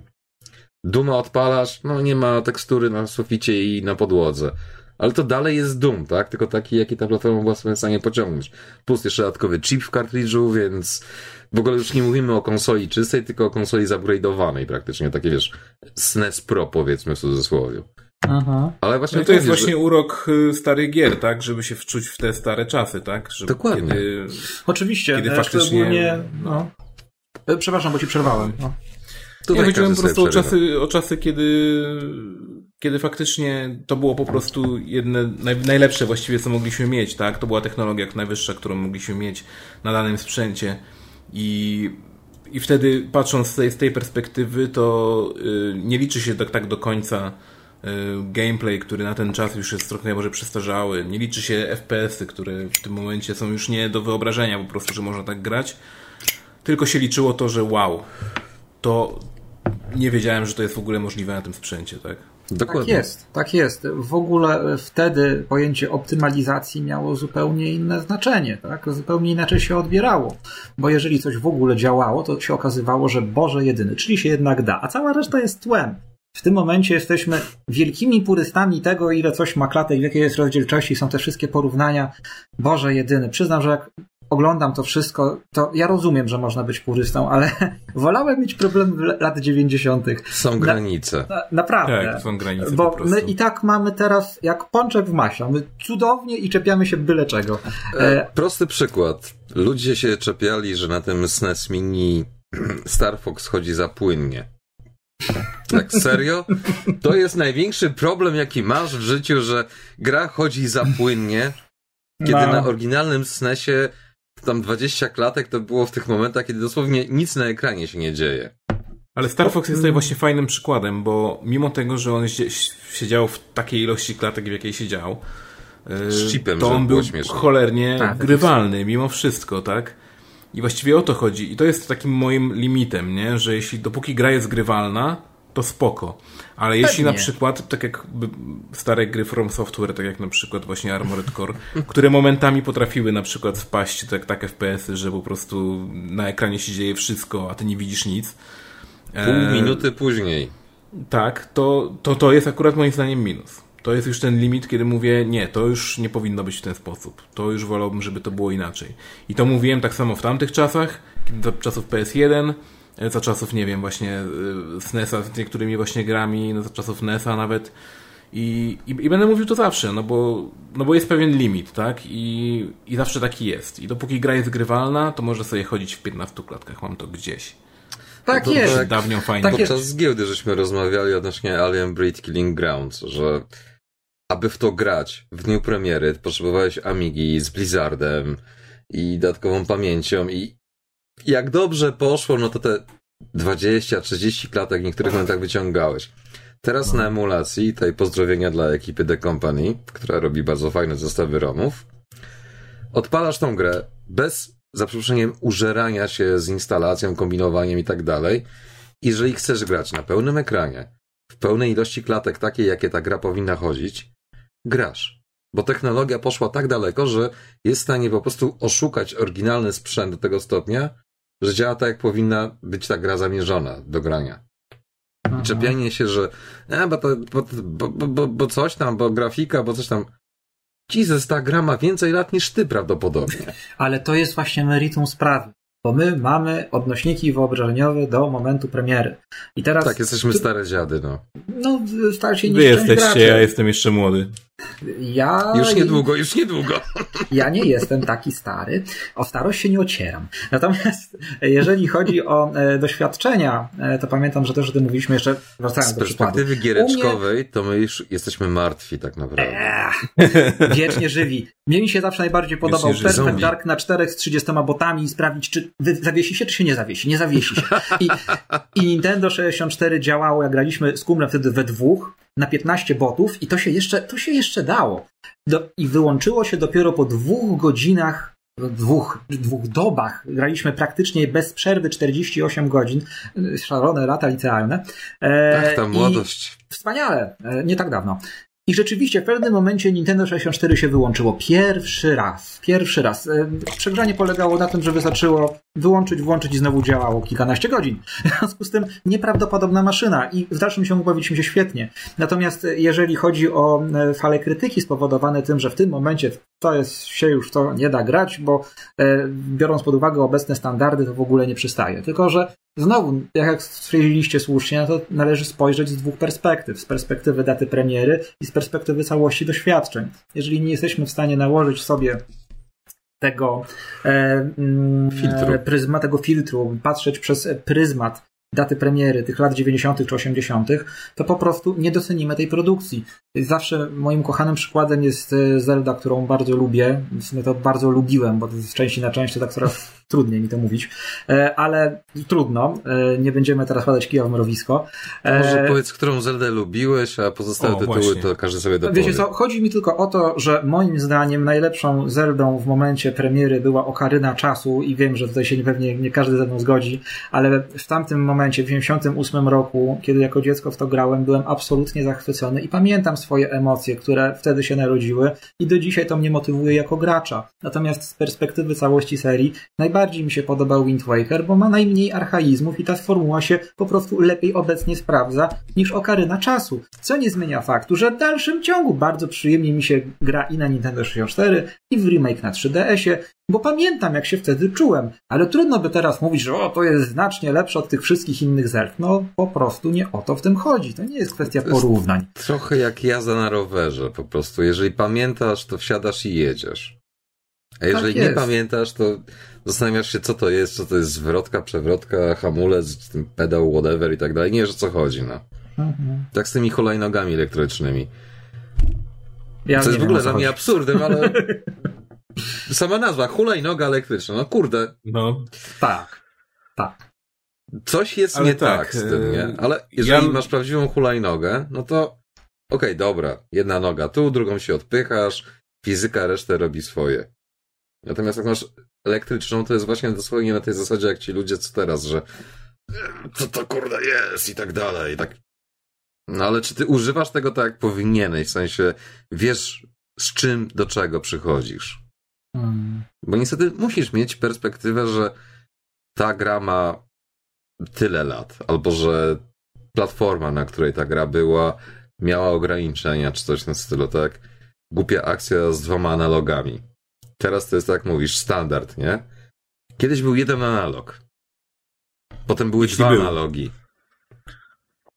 No, to prawda. I ja na przykład nie mogę nienawidzić do końca Okaryny czasu, ale rzecz w tym, że ja w tą grę grałem bardzo późno, mhm. już na emulatorze tak naprawdę. Yy, I ja nie mam z tą grą żadnych wspomnień, po prostu grałem w nią i oceniałem ją tak jak gry, a że grałem w dużo gier na emulatorach, więc byłem cały czas w tym takim, w tej takiej zonie tych starych gier, więc jeszcze tak nie miałem spaczonego umysłu, że tak powiem, jakimiś nowymi nowinkami. E, tak. E, I ogólnie mi się podobało, aczkolwiek w pewnym, w pewnym momencie stwierdziłem, to jest jedna z tych gier, w których tak jak zresztą rozmawialiśmy też wcześniej, jeszcze przed tym, jak e, do Ciebie zadzwoniliśmy, gdzie po prostu Nintendo musiało sprzedać guidebooka jakiegoś do tego, tak? Bo były autentycznie momenty, gdzie ja po prostu nie wiedziałem już, gdzie iść, nie wiedziałem już, co dalej zrobić. Kręciłem się jak po prostu, nie powiem co w przeręblu. Już miałem po prostu dość w pewnym momencie. I, i to są tego typu gry, które niestety mnie zrażają e, tym, że trzeba dużo robić tego backtrackingu, tak? Czyli po prostu łazić wstecz, tam gdzie byłeś do, do Nawet nie backtrackingu, tylko odbijać się od ściany do ściany w nadziei, że trafisz na tą ścianę, która jest dobra. Tak. Znaczy wiecie, tak to. naprawdę to nie była żadnego rodzaju nowa praktyka, biorąc pod uwagę historię tej nie, serii. Nie Pierwszą czy drugą Zeldę to Okaryna Czasu jest bardzo przejrzystym, klarownym i w pełni transparentnym tytułem. Bo wcześniej to rzeczywiście było niezbędne, żeby stwierdzić, że o pod tym krzakiem będzie wejście do pełnoprawnego lochu, tak? E, tak, no to śmiałem się, że właśnie Nintendo Power trzeba było kupić, żeby wiedzieć jak przejść grę, no. Tak, no tak, tak. No i wiadomo, że taka była praktyka. To, to jest Now fakt you're historyczny. Playing with paper. tak. Natomiast, wiecie, no w tym momencie Okaryna Czasu już dużo osób w nią gra na pamięć, natomiast gdyby teraz zagrać w nią po raz pierwszy, to wydaje mi się, że remake na 3DS ma tyle uproszczeń, łącznie z tą świątynią wody osławioną, że ciężko tam się zacząć. Znaczy, powiem tak, jak wyszła mm, specjalna edycja Wind Wakera, gdzie było na osobnej płycie oryginalna Okaryna i Master Quest. Master Quest, no, był. To ci mhm. powiem, że Gdyby nie to, że grałem w tą grę, że ją skończyłem, to w kilku momentach bym powiedział, fakt jest shit po prostu. No. Ale łatwo, to jest tak, mówisz, kwestia tego, że już z automatu się prawie w to przechodzi w pewnym momencie, plus, no sorry, w dzisiejszych czasach, zresztą w tamtych czasach też już był GameFAQs i tym podobne, Tak. więc jak ktoś miał dostęp do internetu, wiadomo, dla wybranych często gęsto, to tam sobie poradził, czy też plus były gazetki i tym podobne, bla, bla, bla, plus tak teraz wpadło stwierdzenie, że mieliśmy tą interakcję z ludźmi, czyli czy to na giełdzie, czy to w szkole, czy gdzieś tam, to ktoś się wymieniał poglądami, tak, o, ja to znalazłem, tak, o, gdzie, gdzie, gdzie, gdzie, gdzie? Oczywiście, to było bardzo ważne. To było bardzo A ważne. teraz Poza- tego nie ma już. No, ale możemy zadbać o to, by wróciło. E, I wydaje mi się, że Setki dalszym tysięcy youtuberów, którzy robią full walkthrough w dniu premiery, z tobą się nie zgodzi. Ech, Ja nie oglądam żadnych tych walkthrough ani let's playów. W ogóle wypaczam moim zdaniem ideę tego, na czym polegają gry wideo, ale ja jestem w mniejszości. Więc co ja tam wiem? Po prostu- A Nie jeżeli... no, jesteś w może mniejszości, jesteś- tylko po prostu bierzesz poprawkę na to, że chcesz się tymi grami cieszyć, a Owszem. nie na zasadzie mieć zaliczone, bo nie wiem, kurde, achievement czy Łatwa coś tam. platyna. No, nie, nie mogę Tak. zdzierżyć tego w ogóle, że o, kupię sobie, bo łatwa platyna. Boże, jedyny jest powód. No. Ej, Znaczy- ty się śmiejesz. Mi ostatnio wpadła druga platyna w moim życiu przez przypadek. Przez przypadek z jakiejś e, pewnie gównogierki indyczej, Albo tak? Nie, to jest Overrise. O, Okej.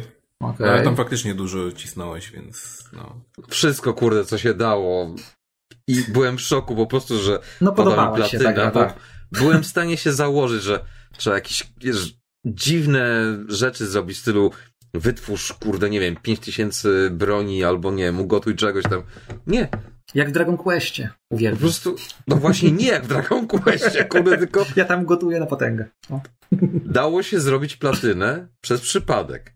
Co jest dla mnie najlepszym przykładem, że to była dobra gra.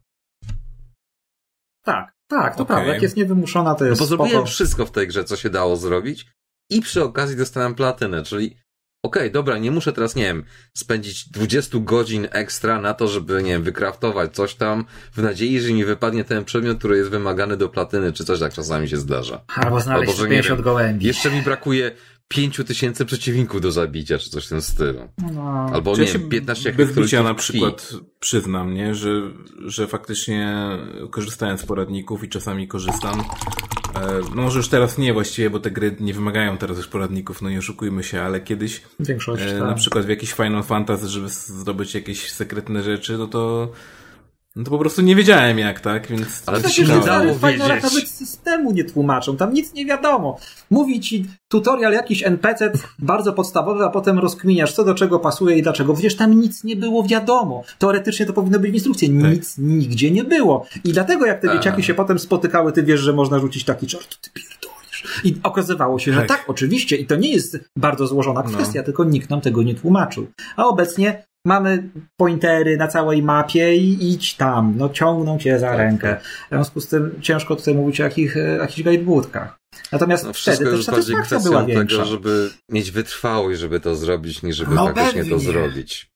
Zresztą to się też brało z tego, że gry przecież były trudne, już pomijając kwestię RPGów, no bo tam finale 30-bitowe to dosyć nowa szkoła jest, ale jeżeli chodzi o platformówki, które jak się umie, to można je było przejść w pół godziny. Chodzi o to, żeby było trudne, żeby wielokrotnie ginąć i żeby starczały na dłużej. To też nic nowego. Na tym polega cała idea Ninja Gaiden oryginalnego. Ta No gra nie jest pewnie. trudna. tak. Ona jest Oczywiście. zrobiona tak, żeby była trudna, bo kurde, grę da się skończyć w, nie wiem, godzinę, dwie, Tak. ale nie zrobisz tego za pierwszym podejściem, tylko za nastym, dziesiątym, setnym, jak dobrze pójdzie w I przy przypadkach. okazji, jak już to zrobisz, to czujesz, że faktycznie przyszedłeś grę i czujesz, że ją pokonałeś, tak? Prawdziwy achievement. Tak, To tak. Satysfakcja jest nieporównywalnie większa. tego. E, A Mhm. poza tym, jeżeli chodzi o achievementy, to ja zazwyczaj miałem takie tendencje, że sam sobie narzucałem takie, które nie były wymagane. Na przykład w RPGach uwielbiam zdobywać zawsze wszędzie dziewiątki, tak żeby się wszystkie liczniki wykrzaczyły. E, Bardzo to lubię, bo mnie koją powtarzalne czynności, takie dosyć autystyczne, ciągoty w sumie. Ale jakie zastanowić.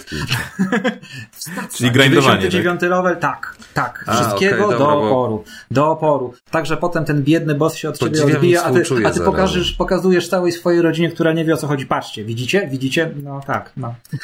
A żona mówi, i na to, żeś kurde zmarnował tyle czasu. No, lata. Kwiatki niepodlane, mieszkanie niesprzątnięte, pies niewyprowadzony, ale ta cyferka, kurde, no.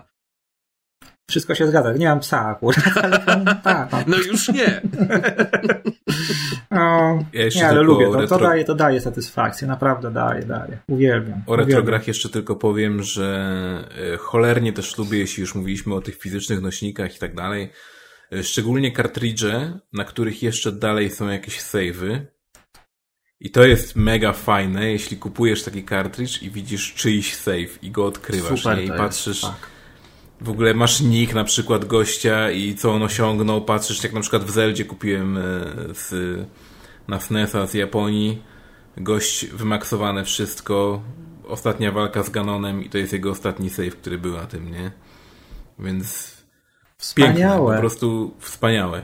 Oczywiście, nagrobku. mało tego można pójść Zelda. jeszcze dalej. Jak e, kupowałem pierwszą Zeldę na NES-a, udało mi się zdobyć komplet w pudełku i tam była również mapa, więc nie dość, że były savey, które mają tyle lat co ja, czyli już 35 mają e, i się trzymają, to jeszcze na tej mapie i to jest właśnie też taki aspekt, który wręcz przeciwnie nie jest kolekcjonerski, no bo mapa nie jest w idealnym stanie, ale No. ktoś tam ołówkiem na dole sobie rozpisywał kolejność zwiedzanych lochów i co sobie sam sugerował, by ułatwić sobie przejście. Po prostu wspaniałe. W życiu nie mam zamiaru tego No. usuwać, mimo tego, że to degraduje wartość kolekcjonerską, Oj ale tam, to oj jest tam, ja bym masa że wspomnień.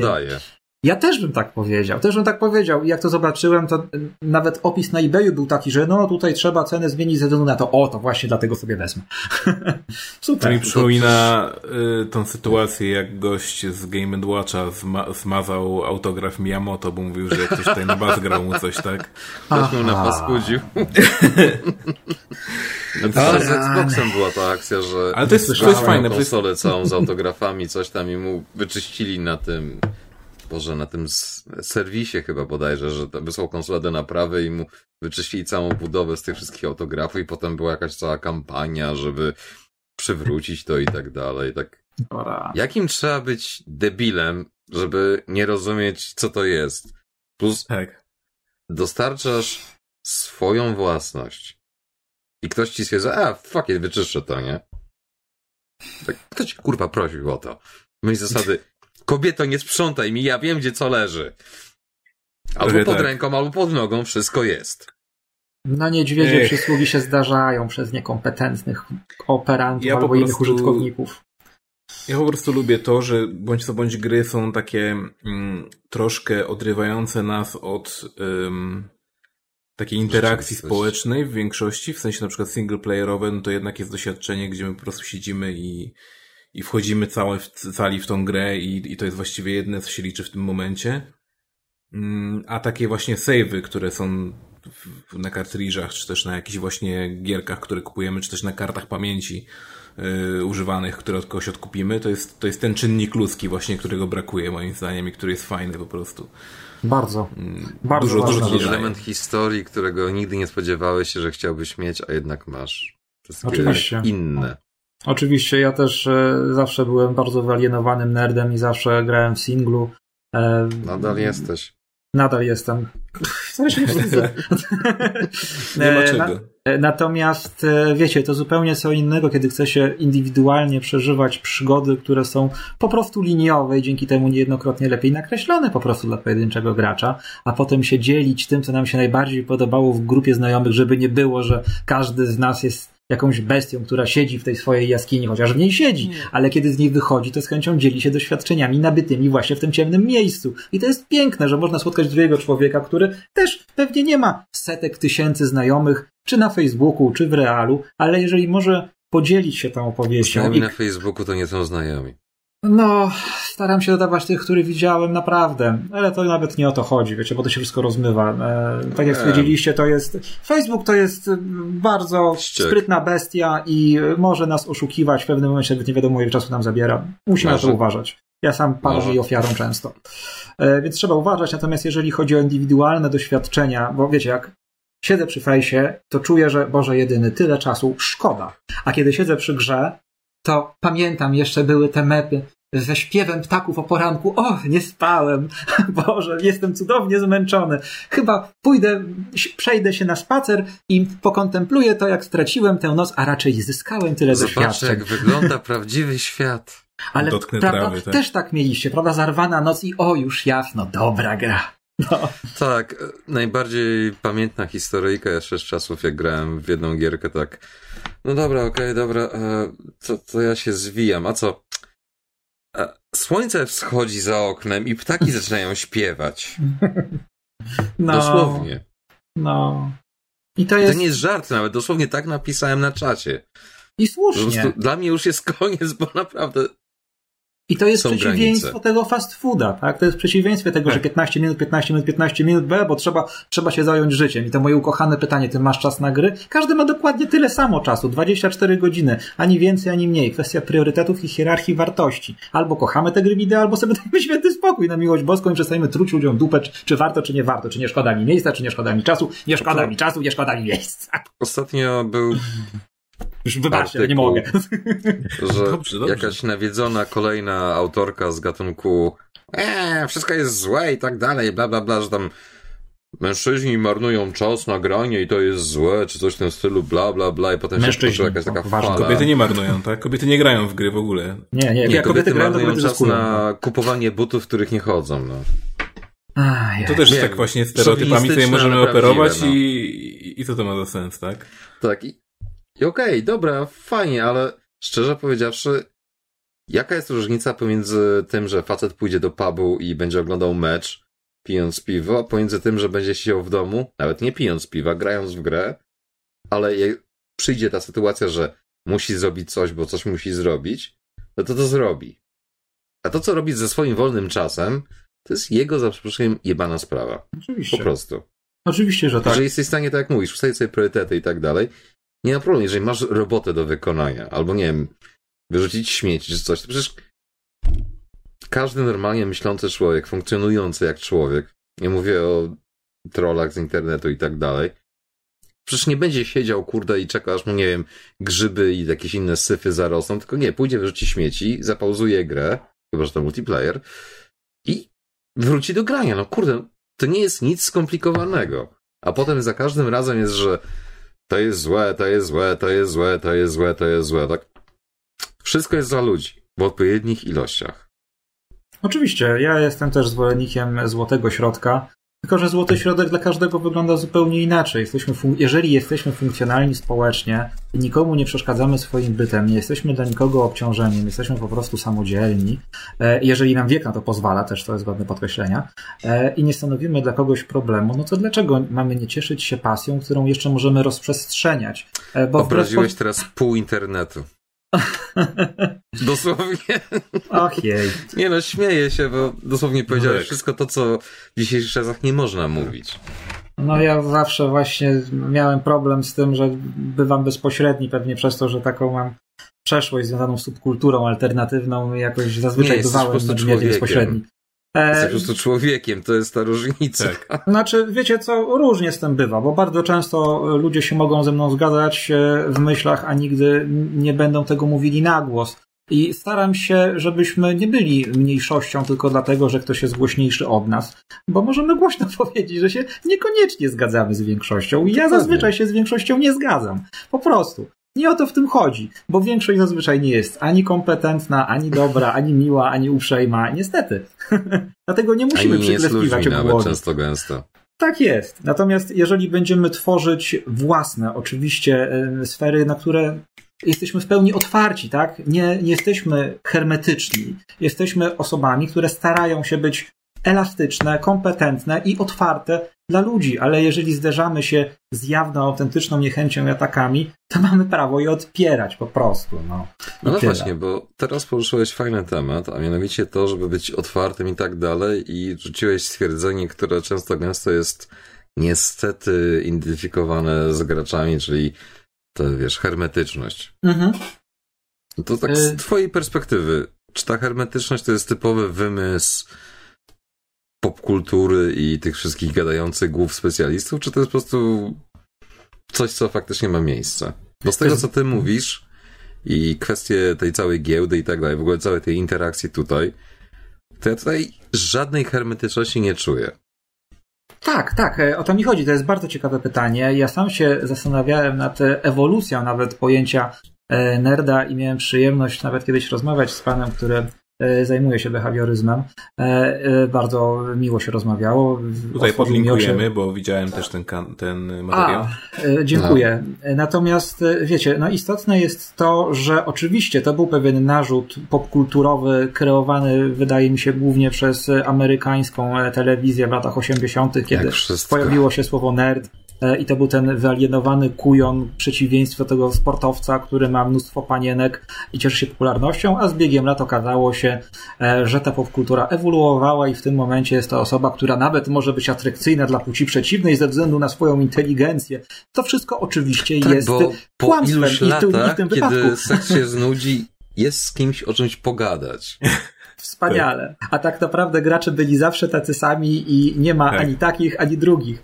E, ani jednych, ani drugich. W związku z tym e, prawda leży Dokładnie. jak zwykle po środku. Natomiast e, w dużym uproszczeniu ja po prostu wierzę to, że niezależnie od tego, jaką pasję mamy, jeżeli ją naprawdę kochamy, to będziemy w stanie nią zainteresować osoby trzecie, nawet jeżeli nie za bardzo wiedzą o co nam chodzi. Jeżeli zobaczą, że rzeczywiście ten facet czy ta kobieta mówią o tym z dużym przejęciem, to chyba jest dla nich ważne.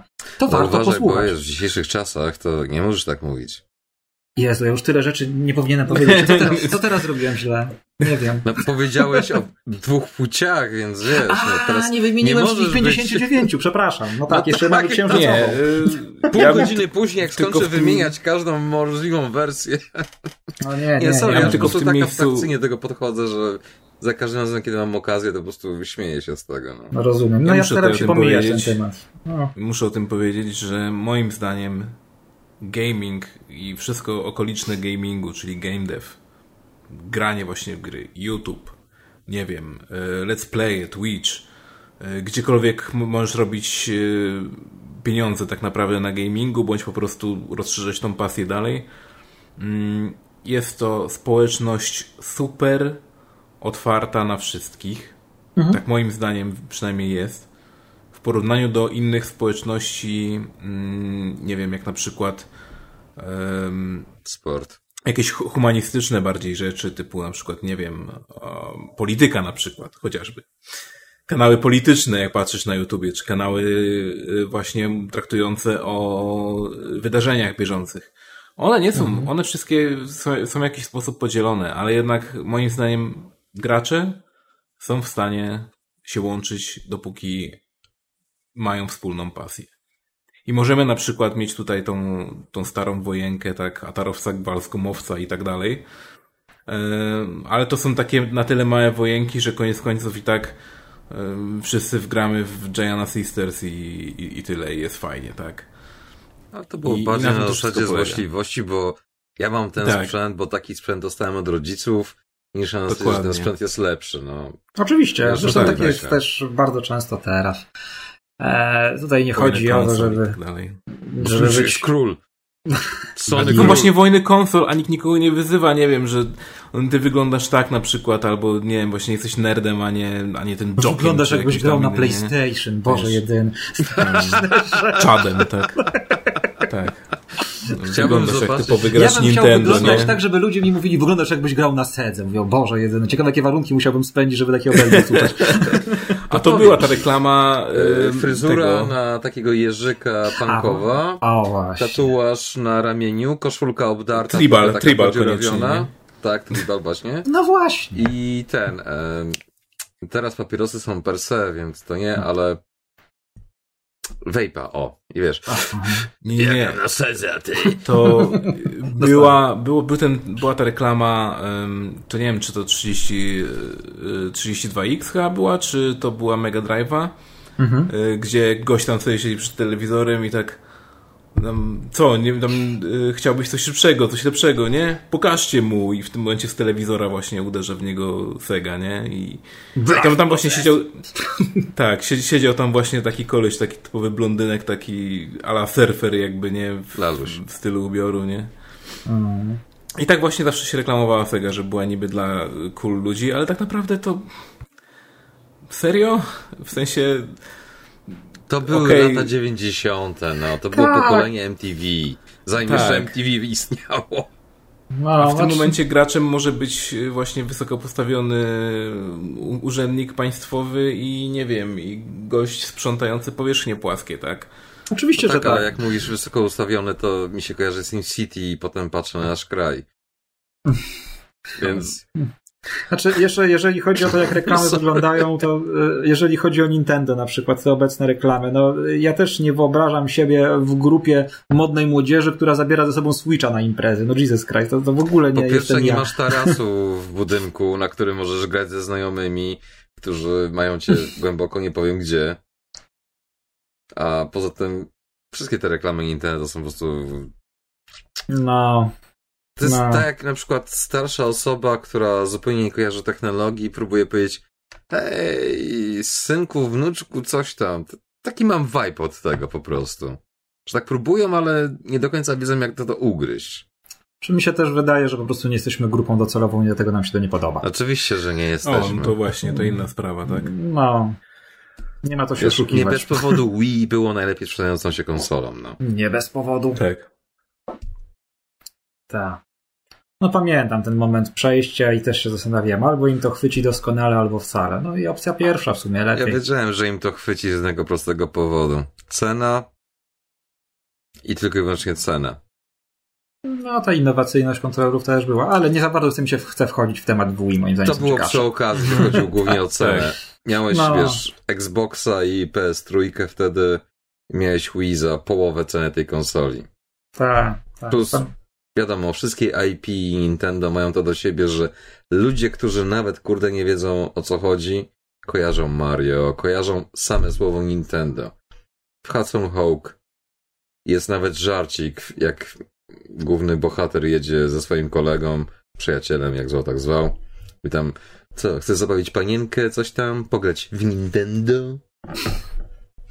I jakby to głupio nie brzmiało, tak działa niestety odbiór, jeżeli chodzi o cokolwiek w popkulturze u nas, że no. Tak. bla bla bla, gry, Nintendo, od razu, tak się kojarzy. Sega przy Tak. okazji, ale jak powiesz komukolwiek z ulicy wyrwanemu, to pierwsze skojarzenie z grami Nintendo. Po prostu.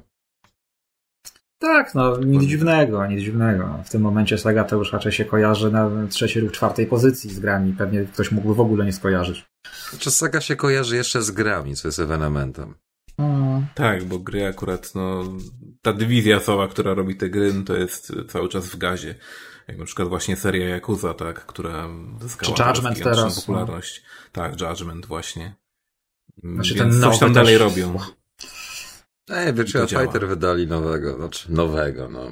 Jest Jeszcze Judgment. raz. Dobra, ale, ale to już tak szczerze powiedziawszy, wiesz, tak. Ja wiem, wiem, tylko takie nerdy jak ja w to grają, no. No, Virtua Fightera, piątkę, tak, cały czas?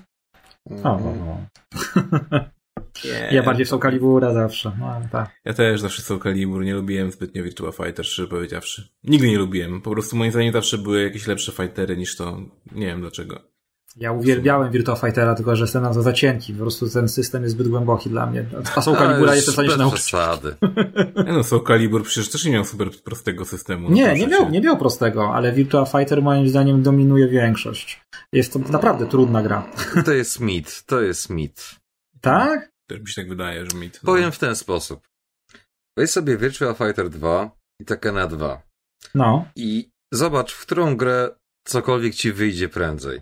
Gwarantuję ci, że Virtua Fighter ci wyjdzie prościej cokolwiek, łącznie z przejściem arcade, niż w Tekkenie, gdzie nie dość, że musisz znać kombosy, juggle i tym podobne badziewia, to po prostu sama kwestia areny. Na Virtua Fighter masz opcję, że jak dobrze pójdzie, to w najgorszym wypadku przez ring out wygrasz. W Tekkenie nie. Musisz sklepać tą postać. Okej, ale to jest I też jak sklepać, to już inna bajka. dosyć subiektywne, bo gdybyśmy się powołali chociażby na Tekkena 3, to już mamy Ediego Gordo i buton maszerstwo absolutne.